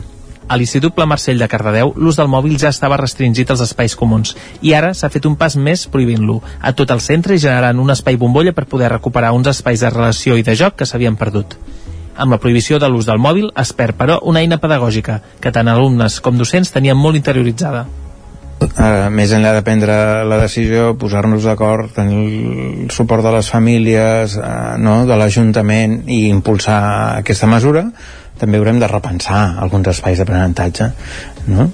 Perquè per nosaltres com a docents era molt senzill dir hem de gravar una noti no? hem de gravar hem de fer una entrevista va, doncs vaig amb el mòbil a peu de carrer no? una eina com molt immediata que portem a sobre molt potent uh, mol moltes situacions que ara teníem resoltes amb aquesta eina i que haurem de repensar com no? doncs si tenim més càmeres eh, compactes disponibles perquè es pugui fer això si eh, no, ens acostumem a sortir i gravar eh, doncs amb, amb l'ordinador portàtil que no deixa de ser una eina molt portàtil no? bueno, va, trobarem alternatives però sí que caldrà pensar-hi aquesta mesura ha estat possible també gràcies a les famílies que al juliol creaven Reconnecta't, una plataforma que reuneix a més de 200 famílies del municipi. Més qüestions, l'encertant o encertants de l'única butlleta guanyadora del premi de la primera categoria del sorteig de la primitiva de dissabte s'han durat, s'han dut 1,2 milions d'euros. El protagonista d'aquest fet va comprar la butlleta, va comprar la va segellar més aviat a l'administració número 1 de Prats de Lluçanès, situada al carrer Major i coneguda com l'Estanca. És el premi més gran que ha repartit aquesta administració. Fins ara només havia entregat algun dels grans números afortunats en el sorteig de Nadal, però sempre amb xifres econòmiques inferiors. Albert, Albert Marramon, representant de l'administració de Prats, manifesta la seva satisfacció. Bueno, doncs una alegria. Veure, de fet, en el fons sabem que el fet de, de, doncs, de vendre un producte que és de, de loteries doncs, eh, estàs exposat a que passi i de fet és el que volem que passi. Totes les administracions estem supercontents que, doncs, que hi hagin, que es donguin premis i que siguin com més grans millor. I bé, doncs molt contents i molt contents doncs, que, que quedi un premi aquí al Lluçanès i que sobretot doncs, sigui de la, de la gent fidel d'aquí casa doncs, que, que ens dona confiança cada setmana Casualment, dimarts de la setmana passada també es va repartir un premi de loteria important al Lluçanès. En aquella ocasió la sort va esquitxar a Olost amb un premi de Bonoloto d'1,4 milions d'euros. Obrim ara pàgina esportiva, o més aviat pàgina socioesportiva. La cursa de la dona de Ripoll ja té 300 persones inscrites, Isaac, muntades des de la veu de Sant Joan. Ripoll acollirà aquest diumenge la tercera edició de la cursa de la dona, una prova no competitiva i inclusiva que està organitzada conjuntament per l'Ajuntament, l'Oncolliga de Ripoll i la Fundació MAP. A més a més, tots els diners que recaptin aniran destinats íntegrament a la Fundació Oncolliga per beneficiar els malalts de càncer i les seves famílies al Ripollès. A partir d'aquest dimecres, els participants ja poden recollir el seu dorsal i la samarreta al local de l'Oncolliga Lliga, situat a la plaça de la Llibertat, de 10 del matí a 12 del migdia i de 5 a 8 de la tarda. També hi haurà inscripcions el mateix dia de la cursa a partir de les 9 del matí. El preu d'aquesta cursa solidària és de 12 euros pels adults i 6 pels infants, i per ara ja s'han inscrit unes 300 persones. L'any passat es va arribar als 660 corredors i es van recaptar uns 5.000 euros. Enguany esperen que aquesta xifra es pugui incrementar fins als 7.000. Maria Rosa Tendero, que és voluntària de l'Oncolliga de Ripoll, apuntava que també hi haurà obsequis que sortejaran entre els participants. Com cada any hi haurà un sorteig, mirem d'exposar-los a Can Costa amb el número de dorsal, llavors faran un sorteig, es fa online aquest sorteig, llavors aquí a la plaça la gent que vingui a mirar el seu dorsal i cap a Can Costa a buscar el regalo. Després, cada any fem un obsequi per al més petit i per al més gran.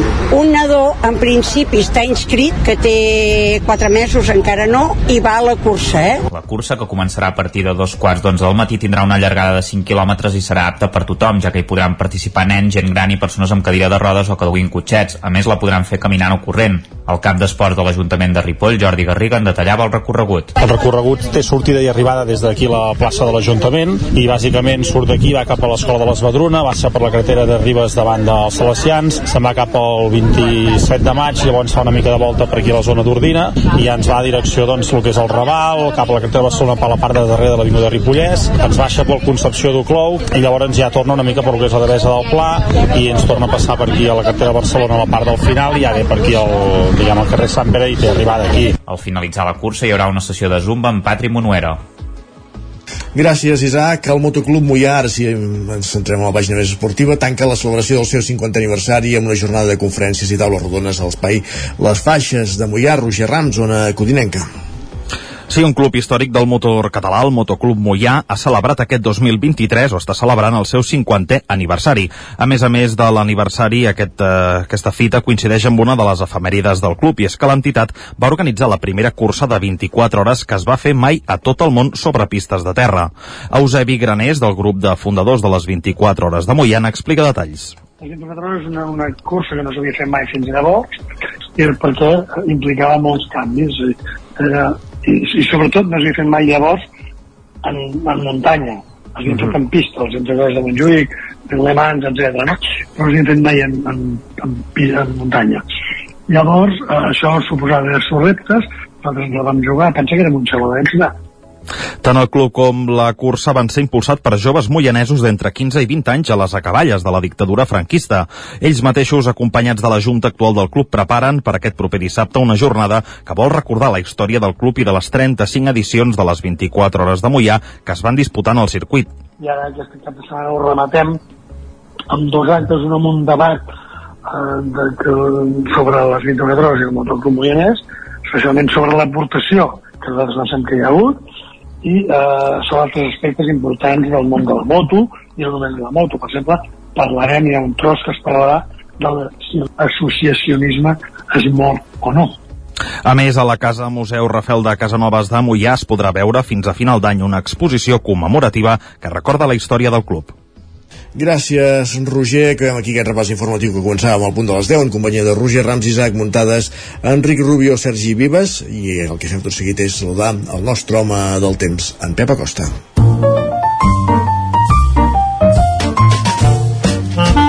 Casa Terradellos us ofereix el temps. Plourà avui, Pep. Hola, bon dia què tal? Molt bon dia. De cara a la tarda, creixeran nuvolades, uh, poden créixer amb força, hi ha aire fred, esperem que pugui que toqui, que toqui ploure a les zones on no ho va fer ahir, o bueno, que també que pogui a les zones on va fer ahir, però també les zones on, on no ho va fer ahir. Uh, cap al sud d'Osona, Mollanès, Vallès, esperem que avui pugui haver-hi alguna precipitació. Són difícils de predir. Tempestes molt irregulars. Eh, que, que com deia ahir plou en un lloc i a cap de dos quilòmetres no plou gens i al revés eh, plou molt hi plou molt poc i al cap de dos quilòmetres eh, plou moltíssim. Eh, com deia és molt difícil de predir. Eh, veurem, veurem què acaba passant aquesta tarda. Jo crec que al Pirineu pot ploure i també sobretot cap a transversal i cap a, cap al Montseny i les Guilleries um, però ja et dic, són capritxoses aquestes tempestes i poden caure a qualsevol punt localment uh, fortes les temperatures molt semblants a les d'ahir uh, aquest setembre continuem aquesta dinàmica de temperatures una mica més altes del que tocaria. I això és tot. Demà parlarem d'aquestes tempestes d'aquesta tarda, aviam la seva intensitat i la seva extensió. Moltes gràcies, adeu. Doncs estem expectants. Fins demà, Pep, gràcies. Casa Tarradellas us ha ofert aquest espai. Territori 17 Minut i escaig per arribar a un quart d'onze del matí.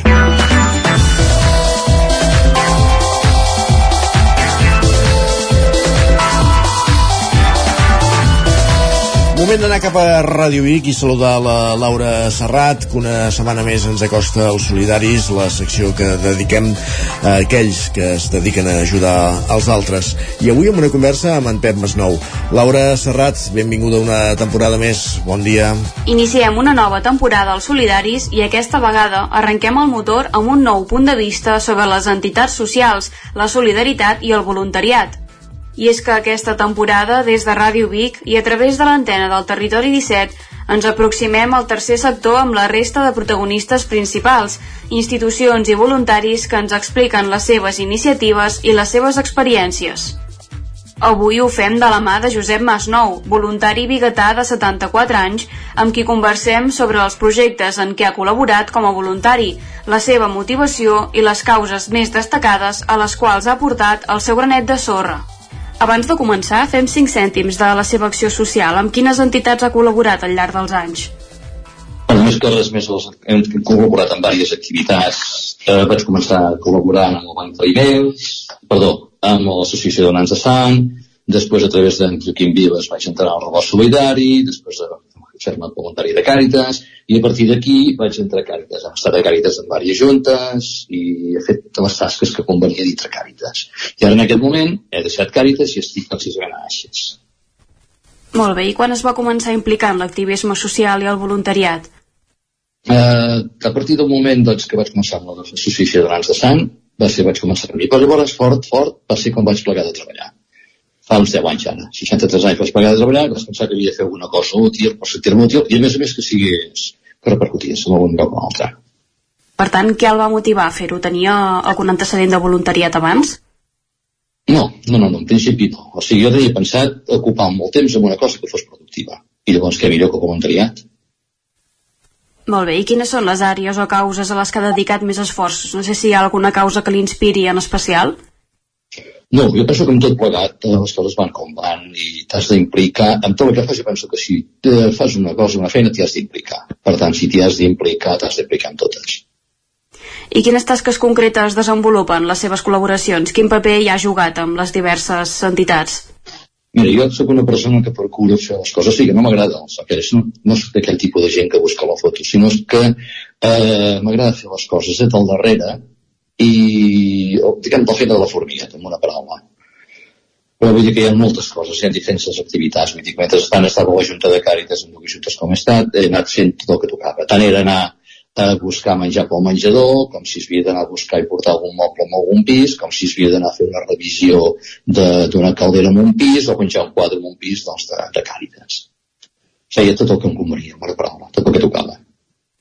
Molt bé, i recordo alguna anècdota especial que hagi viscut en alguna de les seves donacions o voluntariats? No, la veritat, bueno, quan estàvem donants de sang sí, perquè precisament hi havia una persona, eh, de, de cara a una de l'associació de donants de sang, eh, eh, que quan es feia la marató de capta de sang aquí a Vic, tot i sabent que ell es marejava i es passava malament, ella venia cada any a donar cap, a donar sang. Tot i patint i passant les una mica magres, com així mateix, perquè es marejava i ho passava malament. I aquella senyora tornava cada any a donar sang a la marató. Durant els altres, les altres captes que es feien no, però en aquesta sí. I per tant són aquelles coses que dius, home, fa pensar una mica. Eh? Per tant, també en aquest sentit, eh, quins són els moments més emocionants que ha experimentat en, en la seva tasca o diverses tasques que ha fet fins ara? I jo en aquest moment no en sabria dir tant cap. Suposo que tot, tots els seus moments i té les seves coses, moments més bons, moments més dolents, moments més emotius i menys d'altres. En aquest moment no se m'ha no se m'ha acut cap, la veritat. Com equilibra la seva vida personal i professional? Bueno, professional ja m'ha comentat que es va jubilar, eh? però com combina aquesta vida professional amb aquestes activitats que fa? Doncs mira, procuro tenir temps una mica per tot, perquè a part d'això també tinc estones per mi, vull dir que em vaig a caminar amb els amics, faig altres sortides i altres coses, però sí que, per exemple, tot el que puc el destino a, a la la part de voluntariat. De mitjana, no sé, quanta estona creu que hi, que hi pot dedicar en un dia, en una setmana o de mitjana, al seu temps lliure, quan en pot dedicar al voluntariat? No ho sé, ara tampoc podria dir-ho exactament, però vull dir que, no sé, hi ha que, no sé, la veritat, el meu temps lliure, no ho sé, no sabria dir-ho exactament. Comentaves això que cada, cada cosa té els seus moments dolents i bons, eh? Si posem el voluntariat a la balança, què considera que és el més difícil per a algú que fa de voluntari? Jo penso que que fa de, la persona que fa de voluntària tenia les coses clares. Li ha de venir de gust i ho fa. I penso que hi ha molta gent que li ve de gust de fer-ho, eh? I ho fa, i ho fa de gust, i ho fa amb ganes, i ho fa, i no ho sembla, però realment hi ha molta gent que ho fa. Per tant, no és, penso que tampoc val la pena posar la, sobre la balança una cosa, sinó que les coses es fan perquè s'han de fer i et venen de gust i punt, pel meu punt de vista. Eh? Per tant, per altra banda, què és allò que més el reconforta de les tasques que ha fet o del voluntariat? Doncs pensar que el meu temps, o sigui, jo estic donant a part del meu temps i l'estic donant amb una causa, la que sigui, eh? tant sigui això o el que sigui, però estic donant el meu temps amb una causa que repercuteix en una altra persona. A més a més estem fent el voluntariat, no nosaltres, nosaltres i tot el voluntariat en general crec que està fent una tasca molt important que si l'hagués de fer l'administració seria impossible de fer-la. Per què considera que, que amb l'administració no seria possible? Creu que hi ha mancances, no?, en aquest sentit, imagino? Sí, sí, sí, hi ha moltes mancances, hi ha falten mitjans, vull dir que a vegades fins i tot el voluntariat es troben en parets de davant, vull dir que hi ha coses que, que, que doncs, ja sigui per la llei o per l'administració, pel que sigui, tasques que no les pots acabar de dur a terme i llavors et saben greu en aquest moment. S'hi ha trobat amb alguna de les tasques que no hagi pogut fer? En aquest moment no recordo cap, però sí que n'he passat algunes, hem col·laborat amb algunes i la veritat és que et dones compte que piques amb una paret, per exemple, amb gent que no tenen papers, per dir alguna cosa, amb gent que hi ha malalties pel mig, coses d'aquesta mena, sí, però realment doncs, eh, trobes amb casos així i sobte. Quins consells donaria algú que vulgui començar a implicar-se en l'activisme social i en el voluntariat? Doncs que si, que si doni part del seu temps que pensi que tot el que està fent és positiu, és positiu i que repercuteix sempre en els altres. Jo penso que és un punt important, que tot el que estàs fent, el que estàs fent repercuteix en molta gent. Per tant, creu que el voluntariat pot generar un impacte en les persones i en les comunitats implicades? Sí, jo crec que sí que ha de generar un impacte, segur, perquè fins i tot eh, hi ha casos de conec de gent que han estat en, en un cert moment en necessitat d'ajuda i ells mateixos s'han implicat ja fent el voluntariat. Era una família que necessitaven ajuda i se'ls va donar ajuda en aquell moment i llavors s'han implicat com a voluntaris. Els dos fills, eh? Per tant, en aquest sentit, eh, com creu que les seves experiències com a voluntari han influït en la seva pròpia visió del món i de la societat? Les experiències que he viscut amb el voluntariat n'hi ha moltes enriquidores, la gran majoria, eh? La gran majoria. T'enriqueixen a un mateix, perquè et dones compte que no tot és, la, tot no són flors i violes, sinó que hi ha casos que són gent molt necessitada, d'altres no tant, però que realment eh, no, no estàs dins d'una bombolla sinó que penso que és molt important la persona jo recomanaria a tothom que fes voluntariat perquè es donés una mica de compte de lo que està passant al món i de com està en aquest moment. Per tant, creu que ha canviat aquesta seva visió, tant del món com de la societat? Ho veus d'aquesta manera, és com les coses les veus des de dintre, les veus d'una manera totalment diferent. O sigui, jo sabia, per exemple, que hi havia circumstàncies que eren complicades per gent, però en canvi, un cop, un cop estàs ficat a dintre, et dones compte que a vegades és més complicat del que sembla. Fins i tot en situacions de gent que els costa de sortir-se, ja sigui per bicis, per coses d'aquesta mena. Tots hem viscut etapes, per exemple, persones que coneixien o que hem conegut persones que han jugat amb les màquines, coses d'aquest tipus, però quan estàs ja al costat d'una persona d'aquestes et dones compte de lo difícil que és per ells deixar-ho. En fi, coses d'aquesta mena. I això ja havia viscut abans d'estar d'entrar amb el voluntariat, eh? una mica. Com ho havia viscut? En quin sentit? Doncs amb una mica en concret, una persona que treballàvem junts i aquella persona doncs tan bon punt sortia de la feina i es que podia se n'anava amb les màquines escurabutxaques. Em demanaven a mi precisament fins al moment va demanar cèntims, jo no els hi, els hi negava li havia explicat, havíem parlat moltes vegades i va ser una persona que va tenir la suficient força de voluntat per dir a la seva companya aquí tens la targeta, no em donguis per res, només cèntims per de l'exit al doni prou. I se'n va sortir Creu que és un dels casos que el va motivar també a implicar-s'hi en aquest tipus de, de voluntariats? Doncs sí, sí, també ajuda, eh? tot plegat ajuda. O sigui, les ganes, repeteixo, les ganes d'omplir el teu temps, les ganes de que el temps sigui productiu, o sigui, aprofitat, i a més a més, en alguns casos d'aquests, si es pot un cop de mal, sí, però també en relació amb això que comentava, eh? Uh, quins són els principals reptes amb els quals s'enfronten els usuaris de les entitats amb les que col·labora? Per què creu que és important participar com a voluntari? Més que reptes, jo no hi veig cap de repte, perquè vull dir que tots són uns reptes, no ho són. Jo penso que, que tornem a ser el mateix altra vegada. Ja, si ja s'ha de fer alguna cosa, una feina, una activitat, una actuació, un, el que sigui, s'ha de fer i punt. Dir que si això comporta, no sé, agafar la, una furgoneta o anar a un cas, en un pis, en un cop d'ulla, donar-los el suport, s'ha de fer. Dir, és, penso que és això, simplement. Considera que hi ha prou consciència social sobre aquest tipus de causes a la nostra comarca? Mira, que això ho veus des de fora, eh? et dona la sensació que no, però un cop estàs ficat a dintre d'aquest món et dones compte que hi ha molta gent, molta gent disposada a ajudar i a col·laborar, hi ha molta gent que està col·laborant amb el voluntariat. Des de fora potser no, no ho veu tant, perquè no, no, no viu-ho, però un cop estàs ficat a dintre te n'adones que sí, que hi ha gent, hi ha gent que realment té ganes de col·laborar, col·laborar i ajudar. En aquest cas també creu que, que hi ha la implicació del jovent, que alguna vegada s'ha dit que potser falta un relleu generacional en aquest tipus de causes? No ho crec, jo també penso que en aquest moment hi ha gent molt maca, eh? Vull dir que hi ha gent que s'hi implica molt. El que passa que el jovent té unes altres aspiracions. Nosaltres, per exemple, si tenim una sèrie de... si tenim temps, el destinem a això, però el jovent també han de viure més, tenen altres coses. I, però hi ha tot i així hi ha molta gent implicada jove amb el voluntariat, eh? I la veritat és que val la pena que hi siguin, eh? Què creu que hi poden aportar, en especial o, o de diferent? Jo crec que poden apuntar-hi molta cosa perquè els ser gent jove són joves les coses d'una altra manera. Per exemple, la gent gran veiem les coses, les coses més, amb més pessimisme, ells ho veuen amb més optimisme. eh, nosaltres ens mirem les, les coses dues vegades. Lògicament les fem igualment, però les rumiem dues vegades. Ells són més impetuosos, estiguen endavant. Això penso que és també important. Eh? I de cara al futur, té algun projecte amb el qual vol col·laborar o estigui a punt de fer-ho? Quins plans té? Jo en aquest moment estic a Aixes, a l'associació d'Aixes, quan vaig plegar de Càritas, eh, van demanar a si podia col·laborar amb Baixes, i en aquest moment estic amb Baixes. Plans de futur, seguir treballant de cara a Aixes i fer portar el meu granet de sorra dintre del que pugui ser possible. Perquè Aixes, quina tasca hi desenvolupa? En què consisteix les iniciatives d'aquesta entitat? La Baixes és una associació, és, és una associació que està enfocada de cara a suport a la gent gran. Suport a gent gran, sobretot amb persones més de 80 anys, que estan soles i així.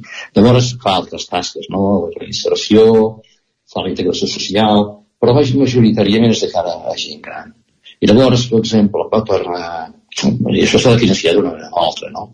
Doncs així es dedica, té aquella dues botigues, vendre mobles de segona mà, es va a recollir mobles eh, les cases que els donen, no sé que se'ls treuen, no sé que es reciclen, no sé que es poden reciclar, i es posen a la venda.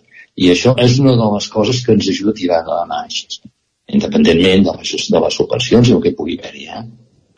I per acabar, m'agradaria mirar el més enllà possible cap al futur. Quin seria el futur ideal que s'imagina per a la comunitat d'entitats solidàries i de voluntaris? El futur, en aquest moment no veig un futur clar, o sigui, ja em fa clar, sí, perquè vull dir que va pujant gent, però lo, no fa, lo, ja em dit d'una altra manera, el que poder seria interessant que hi hagués molta gent, un nou eh, generacional, perquè clar, nosaltres els que en aquest moment som grans ens anem a pertanyes, anirà per tant, en un moment, hi arribarà un moment que la salut tampoc ens ho permetrà. Per tant, llavors ens hem d'anar per tant i que vagi pujant gent jove, amb noves visions i amb nous... El nou FM, la ràdio de casa, al 92.8. Quan tingui un problema amb la seva caldera, vagi directament a la solució. Truqui sempre al servei tècnic oficial de Saunier Duval i despreocupis, perquè som fabricants i coneixem les nostres calderes peça a peça. I ara aconseguiu fins a 300 euros en canviar la caldera. Informeu-vos al 910 77 10 50 o a saunierduval.es. Amb Pradell estalvio energia i cuido la meva butxaca i el medi ambient. Posa't en mans a Pradell, són experts en calderes de gas i condensació, estufes de pèl·let, energia solar, terres radiants i geotèrmia. Pradell instal·la calderes de biomassa per a particulars i per a empreses. Si vols estalviar un 50% en consum, contacta amb Pradell i passa't a les energies renovables. Pradell som a l'Avinguda Països Catalans 27 de Vic. Telèfon 93 885 1197. Pradell.cat. Palat i Pelut ens presenta Fem la Morsa.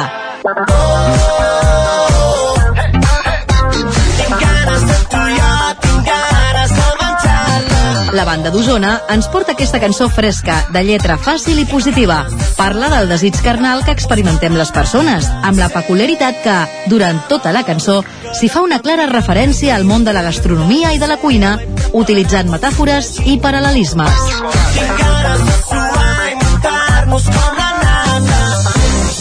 Pelat i pelut. Fem la morsa. Amb el suport del Departament de Cultura. Cada dimarts a les 11 de la nit, al 9 FM, repàs de l'actualitat esportiva a la banqueta. Cocodril Club. Si t'agrada la bona música dels anys 60, 70 i 80, escolta el 9 FM als matins de dissabtes i diumenges d'11 a 1.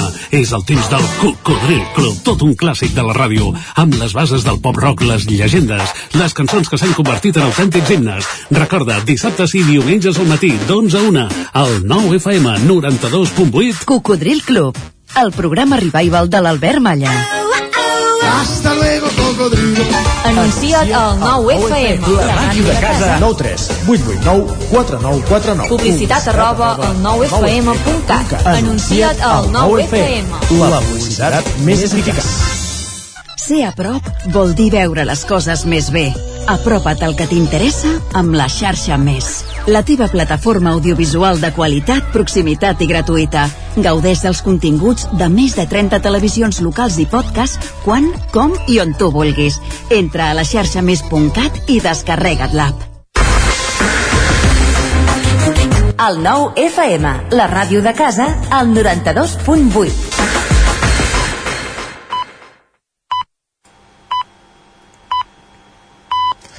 En punt, dos quarts d'onze al territori 17.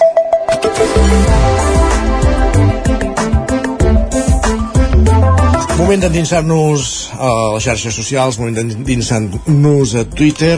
Van dir que en continuaríem dient Twitter nosaltres, Guillem Sánchez, benvingut, bon dia. I fins i tot al mateix preu t'obrirem el micro, va. Ara sí? Ara, Ara sí, doncs vinga, sí. Ens seguirem dient així fins que no ens vingui algú amb un ordre judicial i ens digui el contrari. Elon. T'imagines l'Elon Musk entrant en un... No, no me l'imagino. El, el jutjat de Vic. Si algun dia passa ho explicarem també, eh? També, també. Ho explicarem. Isaac, tens algun concert ja marcat per Música Viva? Allò, alguna cita que no puguis fallar? Ah, avui ara m'oferien dues entrades per Marco Mesquida, que es veu que no sé qui li sobren. Mm, Potser que em traien al cap, o què? Procuraré, no perdre el concert d'Amazoni en fi, veurem. Doncs va, mira, mira que fàcil... I demà, demà la Paula Valls, eh, per cert. I tant, i tant. A tres quarts d'onze 11 tres quarts d'onze. Abans l'hem escoltada tres quarts d'onze, pot, Pot ser? ser, pot pot ser, ser. Confirmeu horaris a través de l'aplicació, eh, sempre. Val més. Va, mireu que fàcil que ens ho resumeix en Carles. Diu, a Vic passa una cosa similar amb el mercat de música viva i especialment el mercat medieval. No sé quina és aquesta cosa, perquè tampoc ens la diu. Ah, d'acord. Però bé. Es diu el mercat, tots, tots són mercats. També podria ser això. Va, les opcions són moltes i variades aquests dies des d'avui fins al cap de setmana. Ens escriuen a Vic per Música Viva, a part del Sugar, actualment també hi ha les adoberies Fest i varis concerts underground que ara es fan a davant de bars de la ciutat. Per mala sort ja no es fa el Festival Muralla o l'Hoteler. Segur que si demanes a la penya del Sugar t'explicaran una mica. Em fa gràcia perquè aquests tuits són d'algú que un dia va anar, va, va ensopegar amb una pedra, que, que, que casualment aquell dia es feia allò allà, que mira, que no tenia ni vinculació anant ben amb el mercat. I ara ens pensem i, i, que... I, i, i, i ho han mitificat i ens pensem que, que allò és així. Per Però- cert, hi ha, hi ha un mite que no és tan mite, que és que els gossos diuen que van començar a Terra Plaça, al Mercat de Música Viva de Vic, ja fa alguns anys, em per allà a la plaça del Pes o plaça Paradís, i aquest any han fet una publicació enigmàtica els gossos, com si que, que, no, que no es torni a repetir. Mm, ho deixarem aquí. Exacte. Ho deixarem aquí. Va, i em sembla que el problema de l'Amàlia pot quedar una mica solucionat també aquesta mateixa setmana. Isaac ens diu doncs s'ha acabat l'estiu i jo sense haver anat a concerts de Tallets i Figaflaues i just arribant tard un dia per comprar entrades de la Lu- Ludwig. No puc més. Home, per als grans concerts també d'aquí de música viva mm, encara, encara té temps de, oh, tant. de poder venir de, i de viure'ls. Va, i mireu que surrealista això que ens escriu la Marina, Isaac. Ja em diu, Marina. Avui hem estat dibuixant al carrer i ha estat molt xulo perquè algú ha trucat a la policia per queixar-se de l'incivisme i quan ha arribat a l'Urbana amb el seu cotxe patrulla s'han trobat que la perillosa bandida a retenir era una nena d'un any i mig armada amb uns guixos. Perdó? Doncs sí, una nena que estava dibuixant a les llambordes del terra amb guix i es veu que algú va, va trucar a la Guàrdia Urbana per, per queixar-se d'actituds incíviques de- d'aquesta pobra nena d'un any i mig. Et, et reprodueixo el tuit que et deia dels gossos, eh? Vinga, va. És un vídeo que diu a reviure gossos 14 de setembre. Bé, doncs cal, caldrà estar atents, no? Exacte. Caldrà estar atents. Va, i d'aquesta pilota també ens la complementa la Nusca en aquest, amb aquesta aportació que ens diu meravellós. Jo tinc la història contrària, si se'm permet. Vaig treure els nens del col·legi, 6-7 anys, a pintar xarranques a la, a la vorera i tot el jovent jubilat del barri s'aturava a dir-nos la il·lusió que els feia que féssim activitats de la seva època. Si, en, si en algú d'alguna escola li diguessis ara de pintar una xarranca, tu, tu creus que sabrien què és el que No, no, s'hauria sabria, de no dibuixar? sabria què és i a sobre encara mirarien per sobre l'espatlla i se n'enriurien de tu. Va, i un altre Encara usuari... És així de trist. I tant. I un altre usuari també ens posa un exemple curiós que ens diu jo he sentit a una veïna demanant a la urbana la desarticulació d'una perillosa banda de nens de 8 a 10 anys que jugaven a pilota davant de casa seva. Diu, a més, proposant que s'investigui si els pares van a serveis socials i mirar de castigar a tota la família no se sap com. Carai, tu. Bé, hi ha gent que té altres problemes. Realment, sí. Va, i aquest missatge l'havia de destacar perquè he de confessar que és una realitat que he constatat que existeix i molt. Un pare li diu a la seva filla, com ha anat l'institut? I li diu, està ple de 07. Diu, els vostres ad ad adolescents parlen també així? Està ple de? 07, és a dir, gent nascuda l'any 2007. Ah, mare de Déu, senyor. És la nova referència per poder saber a quin any ha nascut la gent, 05, 07, 02, Està fins i tot 07s. està arribant ja a la categoria de 014, 015. Mm, no vull pensar com, com pot seguir la, la cosa. I, i, els altres, que, i nosaltres que som? 9, 7? Ja, no- ja no som, ja no som nosaltres, Isaac. Tu series 9, 8 o 9, 9? 9-2. 9-2. 9, 9, 9, 2. Va, i sense marxar del món de l'educació, en Jordi ens confessa, diu, he estat tribunal d'oposicions alguns cops, diu, sempre he intentat ser molt curós amb la correcció de tothom, però que un tribunal qualifiqui un aspirant amb un 4,9994 em sembla de psicòpata. I perdó si algú s'ofèn però em ve al cap un altre adjectiu. A mi també. Esperem que aquesta persona ho hagi pogut solventar perquè si no té, té un problema bastant important. Sí, i el psicòpata també. A gaudir de música diva Isaac. Bon cap de setmana. Que vagi molt Parlem bé. demà.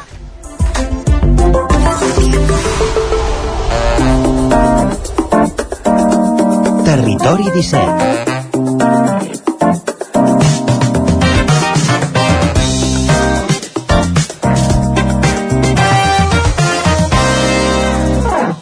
i de les piulades anem cap a l'alegria interior 5 minuts que passen de dos quarts d'onze del matí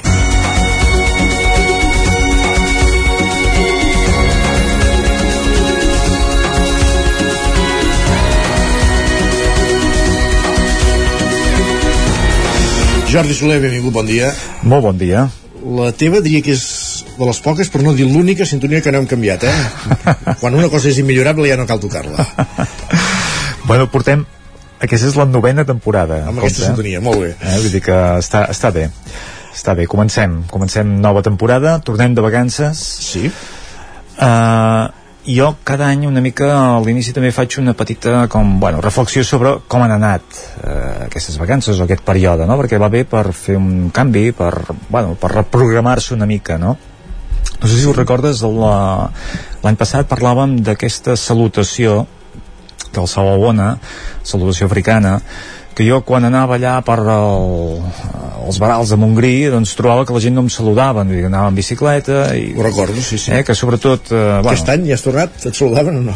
i he tornat D'acord. i realment la, el contacte visual insistent ha, ha millorat aquest aspecte eh? vull dir que podríem dir que he aconseguit la salutació però hem anat una mica més enllà i hem fet eh, aquest contacte no només amb les persones que ens envolten sinó una mica amb, l'entorn, amb el moment amb la vida que hi ha en el nostre entorn i que ens passa desapercebuda no? llavors jo em va cridar l'atenció un company que em deia bueno, aquest any vacances no hem anat enlloc, ens hem quedat eh, té un, una segona residència ens hem quedat aquí, però esclar, com que a l'estiu estic fent el mateix que ja feia els caps de setmana durant l'any, per mi això no són vacances no? dic, caram, caram.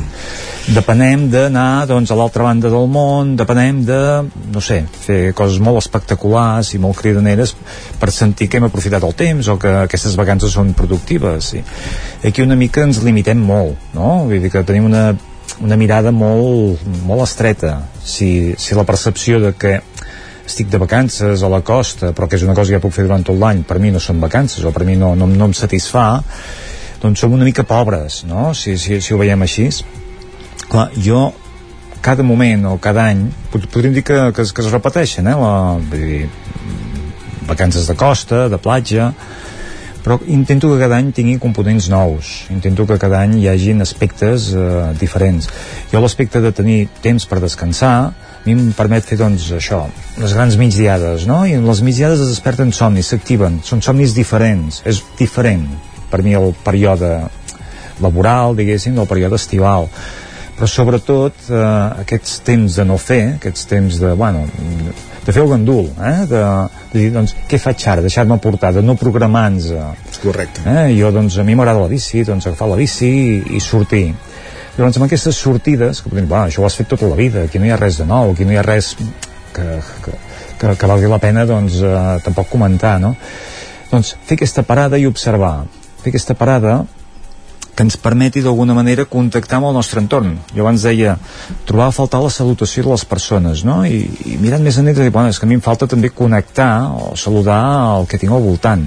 Uh -huh. I aquest temps que jo dedicava, doncs, quan parava la bici eh, i feia un descans, a mirar el terra i veia, doncs, no sé, que hi havia vida, les formigues, no? I cridava l'atenció perquè formiguetes petites que portaven com una fulla que, que era el, el triple de la seva mida i que era la mateixa fulla, que no sé ni d'on la treien eh? però que anaven totes molt ben organitzades era una, allò com la, la, la típica doncs filera de, de formiguetes que totes amb la mateixa fulla d'una forma insistent, algunes els hi queien doncs observar això, observar aquest tràfic observar aquesta, aquest moviment aquesta labor, no? Vull dir que dius, bueno, sí que ho veiem, tots ho hem vist, no? No, no, no, és, no és res de nou. Però jo crec que val la pena parar, observar i es va despertant una mica tot aquest entorn. I el contacte amb, amb la vida, sobretot amb, amb la vida animal, eh? Vull dir que dius, eh, aquest estiu m'ha creat especialment l'atenció la, les orenetes, no? Vull dir que dius, pares una mica la, la mirada i dediques temps i t'adones que n'arriba una, comença a cantar, n'arriba una altra, n'arriba una altra, n'arriba una altra, allà tenim uns finestrals que a certes hores del dia són punts de reunió i per tant, doncs, efectivament, és com un, un petit protocol, eh? està tot buit i de sobte arriba una oreneta, es para, canta i es van ajuntant noves orenetes, però sempre canta la mateixa, eh? no és allò que hi hagi una conversa, sinó que hi ha com, com un protocol, com un diàleg, no? com unes regles que, que hi són, que ens passen desapercebudes si no sabem parar, que dius, bueno, doncs, ells tenen el, el, seu, el seu diàleg, tenen el seu, la, la seva forma de, de, de, de funcionar, d'entendre's, no?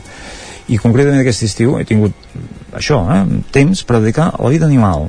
Uh -huh. I a la, la, les ornetes, les formigues, vam anar fins i tot un, al zoo d'Aitana, a Alacant, que allà, evidentment, vida animal, doncs... La que vulguis. La que vulguis, no? I veure cada espècie, la forma com interactuaven fins i tot entre espècies, que dius, ostres, uns més atrafegats, uns que tenien un treball que dius, aquí no hi ha cap mena d'organització, però que si sabies parar atenció, hi havia, hi havia aquest sentit, no? Vull dir, sabien donar sentit. Doncs dius, ostres, ells, amb la seva, amb el seu tràfic, que, que podem considerar limitat, realment és la seva vida, això, és, és, és el sentit, diguéssim, de la seva existència, no? Per tant, jo la meva reflexió aquest estiu és dir, encara que estigui fent una activitat repetitiva que he fet sempre, és responsabilitat meva saber-hi donar sentit, saber trobar d'aquest moment de la meva vida quelcom que, que impulsi, que dongui sentit al que, al que estic fent. I la paraula japonesa, aquesta, aquesta temporada alternarem de tot, eh? no, no em comprometo a fer setmana sí, setmana no, però anirem incorporant aquests mots japonesos que, que estan carregats de sentit hi ha la paraula seihaku seihaku és eh, fer una pausa al mig, de, al mig del caos no? Vull dir que sí. Doncs, jo abans posava exemples de dir, bueno, estic amb la meva vida i de, de sobte paro i observo doncs, eh, les formigues o les orenetes o, o el que m'envolti no? La paraula Seihaku és dins d'un tumult, eh, dins d'un mercat ple de bullici, doncs saber fer aquesta pausa, aquest KitKat i obtenir aquest silenci, obtenir aquesta connexió, aquesta consciència. Si això ho sabem portar una mica eh, en cada moment, en cada lloc, eh, ens adonarem de que no cal anar de vacances, no cal fer res especial. Vull dir, en cada moment podem fer aquesta pausa, aquestes vacances, aquesta bombolleta no? que ens connecti, que ens doni una visió nova. Si ara paréssim, observéssim el nostre entorn un moment, no? vull dir que estem aquí conversant, estem fent ràdio, doncs parem, adonem-nos que estem fent ràdio perquè potser al final acabem sent com petits robots no? que automatitzadament fem una funció i no ens n'adonem vull dir, estem comunicant, eh? estem transmetent tenim una responsabilitat prendre consciència d'això i donar una altra, una altra visió diferent, no? de totes maneres, qui vulgui fer vacances que les faci tranquil·lament, eh? Qui som nosaltres per, per dir-los que no en facin?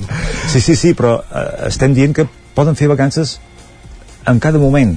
Evidentment. Eh? Vull dir que, que, que sortim, gaudir, del, gaudir sempre del moment. Però vull dir que, mira, ara comencem tot el període doncs, laboral, escolar, doncs podem fer vacances en cada moment. Eh? Vull dir que jo puc fer aquest KitKat de, de 10 segons eh? i adonar-me de i així hi ha aquesta bombolleta eh, que els japonesos anomenen com a seihaku eh, dintre del caos a dintre de la, del, del bullici, de l'estrès fer una parada no? i fer una parada establir aquest silenci no? i després reprens i reprens diferent i t'adones de no? Vull dir que, jo crec que són aquestes píndoles que al Japó doncs, saben encapsular, saben doncs, eh, definir dins, eh, dins una paraula i que això ens ajuden, ens ajuden a tibar d'aquests recursos, eh? perquè jo el Tegewa, el Tegewa que parlàvem la temporada passada, dic, home, això de fer les coses fàcils o boqueto, el boqueto o, o allò, eh, quedant badalit a mitja tarda allò com somiant despert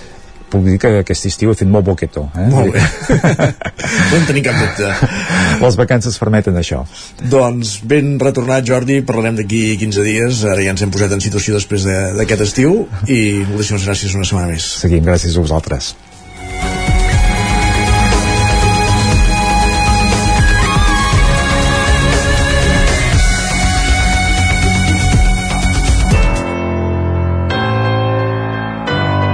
Territori, Territori 17. 17. Territori 17.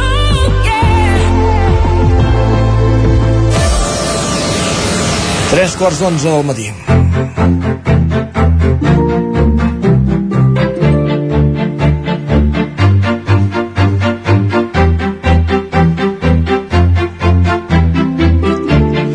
Avui a Lletra Ferits anem cap a una codinenca per conversar amb en Dionís Guiteres, autor del llibre Lligar-se bé les espardenyes i, òbviament, també alcalde de Mollà. Aquest és el primer llibre que escriu i proposa solucions rurals per a reptes globals.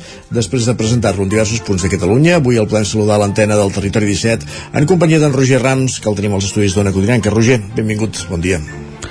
Bon dia, què tal? Doncs sí, Isaac, com deies, avui podem conversar amb en Dionís Guiteres, crec que de fet ja ens escolta. Bon dia, Dionís, què tal? Hola, bon dia a tothom. Avui volem conèixer una mica aquí a Lletra Ferits una mica més del teu llibre, de fet la teva òpera prima, Lligar-se bé a les espardenyes, publicat la primavera d'aquest mateix 2023.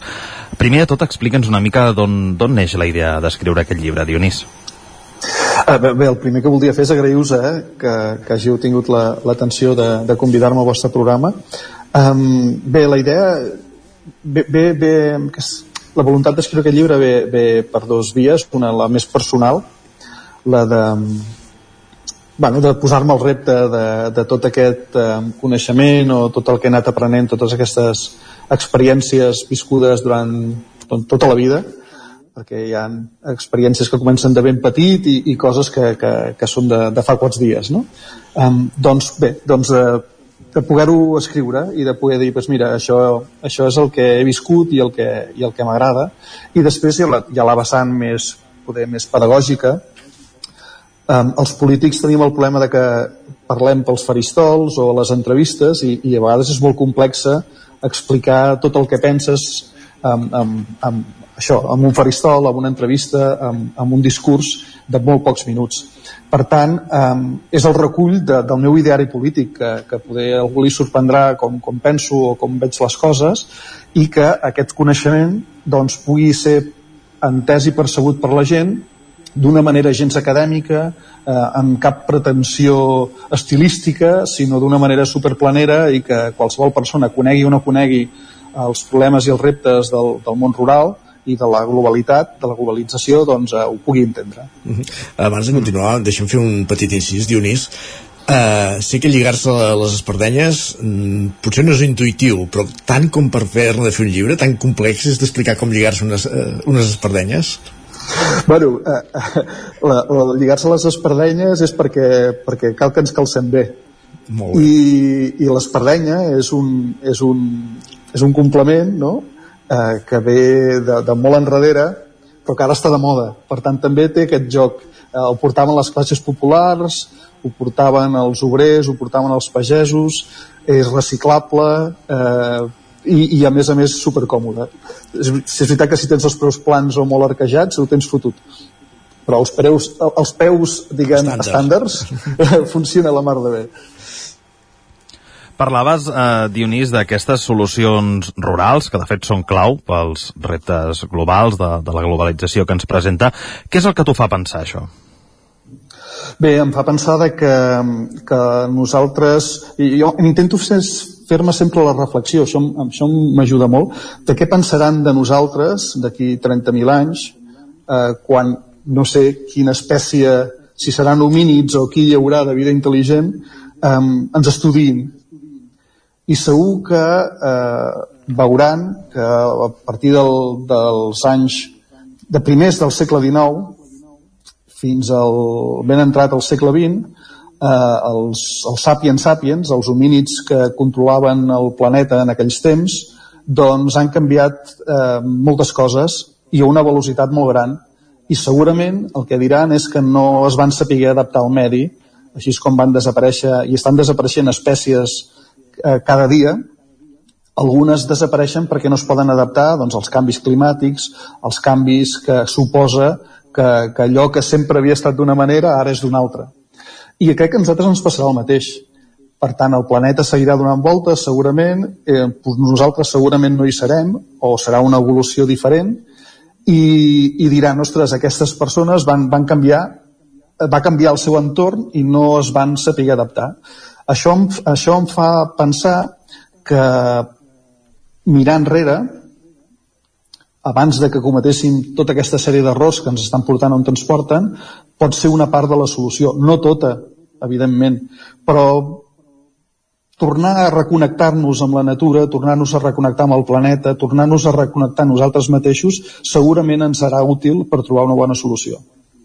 Uh -huh. A banda d'aquesta reconnexió que, que apuntaves ara, ens pots explicar alguna altra d'aquestes solucions que, que proposes o que presentes? Bé, el, el que faig en el llibre és primer fer, en una primera part, fer una exposició de com està el planeta, com actuen els diferents governs per fer front als reptes que tenim tots. Um, una segona part, per tant, no porto solucions en aquesta primera part. A la segona part baixo el focus a Catalunya i ja començo a portar algunes propostes. I la tercera part és més sobre governança, és a dir, parlem de, no, de l'agenda 2030, parlem de l'agenda 2050, parlem dels reptes, parlem molt a lo gros, els Next Generation, moltes coses a lo gros, a la globalització, però en canvi no aterrem les coses. I crec que per aterrar les coses i per poder prestar aquestes solucions eh, necessitem un nou model de governança, és a dir, no podem continuar com fins ara parlant de coses a l'estratosfera i a l'hora d'aplicar-les simples no les apliquem i no sé, i apunto moltes, moltes coses, no, no sabria dir-te quina és la més interessant, um, però perquè ens fem una idea, una de les coses és aportar solucions um, a la gestió del, del territori, a la gestió forestal, per exemple. Tenim un 66% del territori que és boscos, on a dia d'avui no hi passa res, on hi ha problemes de biodiversitat, on hi ha riscs eh, d'incendis, risc d'erosió, eh, risc de perdre sobirania alimentària si és que l'hem tingut alguna vegada. Um, i a tot això li aporto solucions per exemple um, que la ramaderia extensiva les vaques, les cabres, les ovelles que pasturen um, donar eines als ramaders perquè puguin ser no només unes bones segadores eh, unes bones màquines de segar i de mantenir net el, el, el, el bosc sinó que també serveixi per generar economia a través, per exemple, dels escorxadors de baixa capacitat, on el propi ramader es pot sacrificar l'animal, on pot aprofitar al màxim els recursos, que pot tenir sinergies amb el comerç local i, evidentment, amb la, amb la població i això eh, aconseguir que la petjada ecològica i la petjada de carboni sigui el menys, el menys gran possible. No? Hi ha mil solucions d'aquestes, aquesta és una poder de les més cridaneres que a més a més són realitat. Uh -huh. eh? desviant-nos un moment de, de llibre, però que feies aquest punt, recordo que divendres eh, teníeu la visita del conseller Mascort, del conseller d'Acció Climàtica, uh -huh. a Mollà, presentant aquest, eh, aquest registre de, de terres que hi aprovava el govern.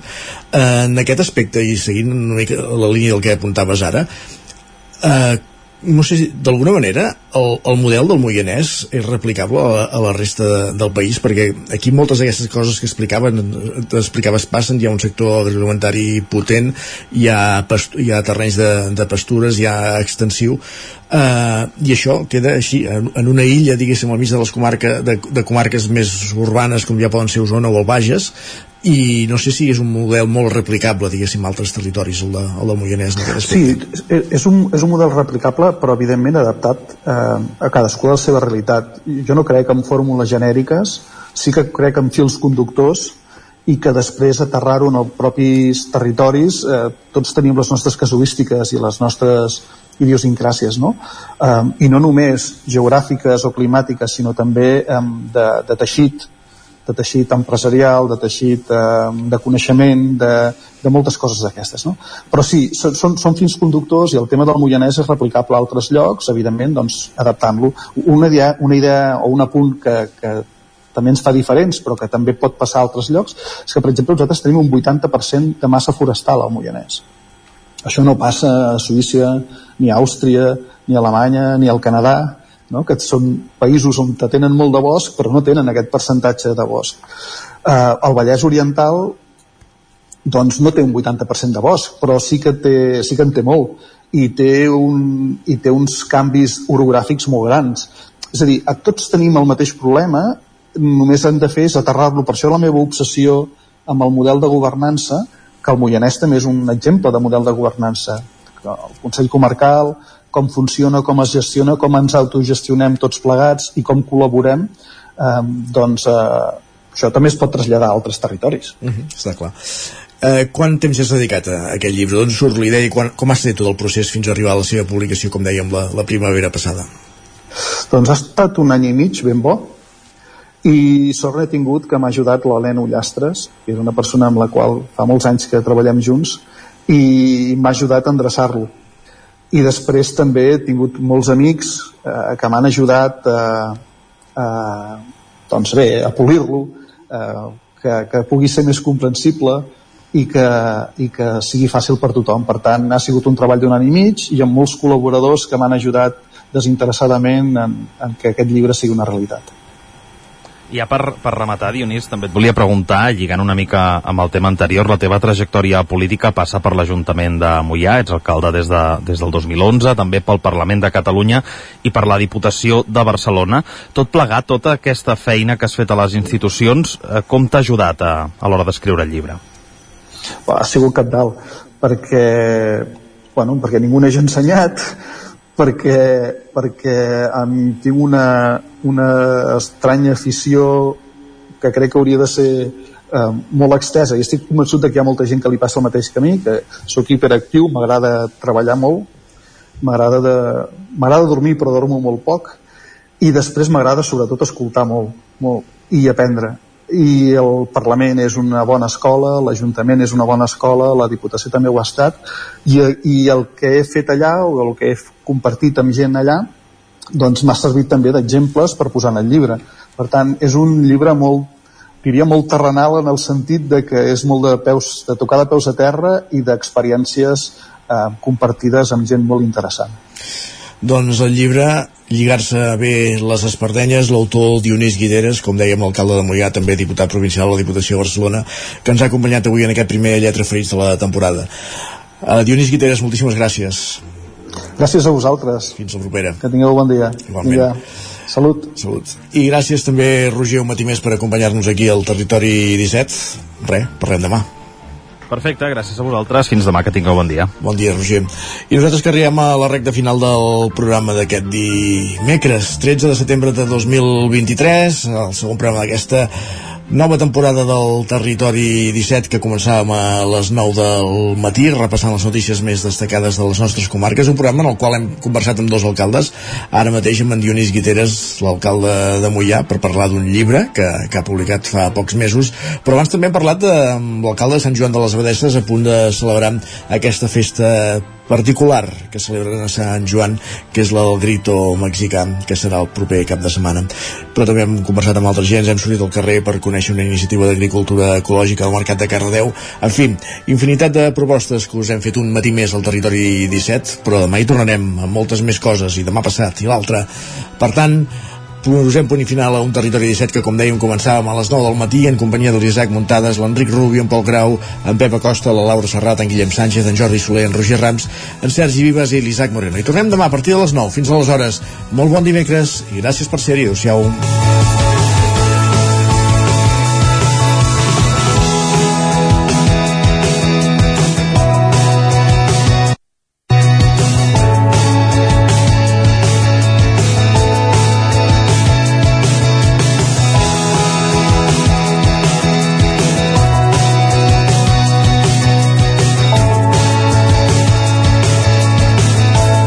Territori 17, un magazín del nou FM, Ona Codinenca, Ràdio Cardedeu, Ràdio Vic i La Veu de Sant Joan, amb el suport de la xarxa.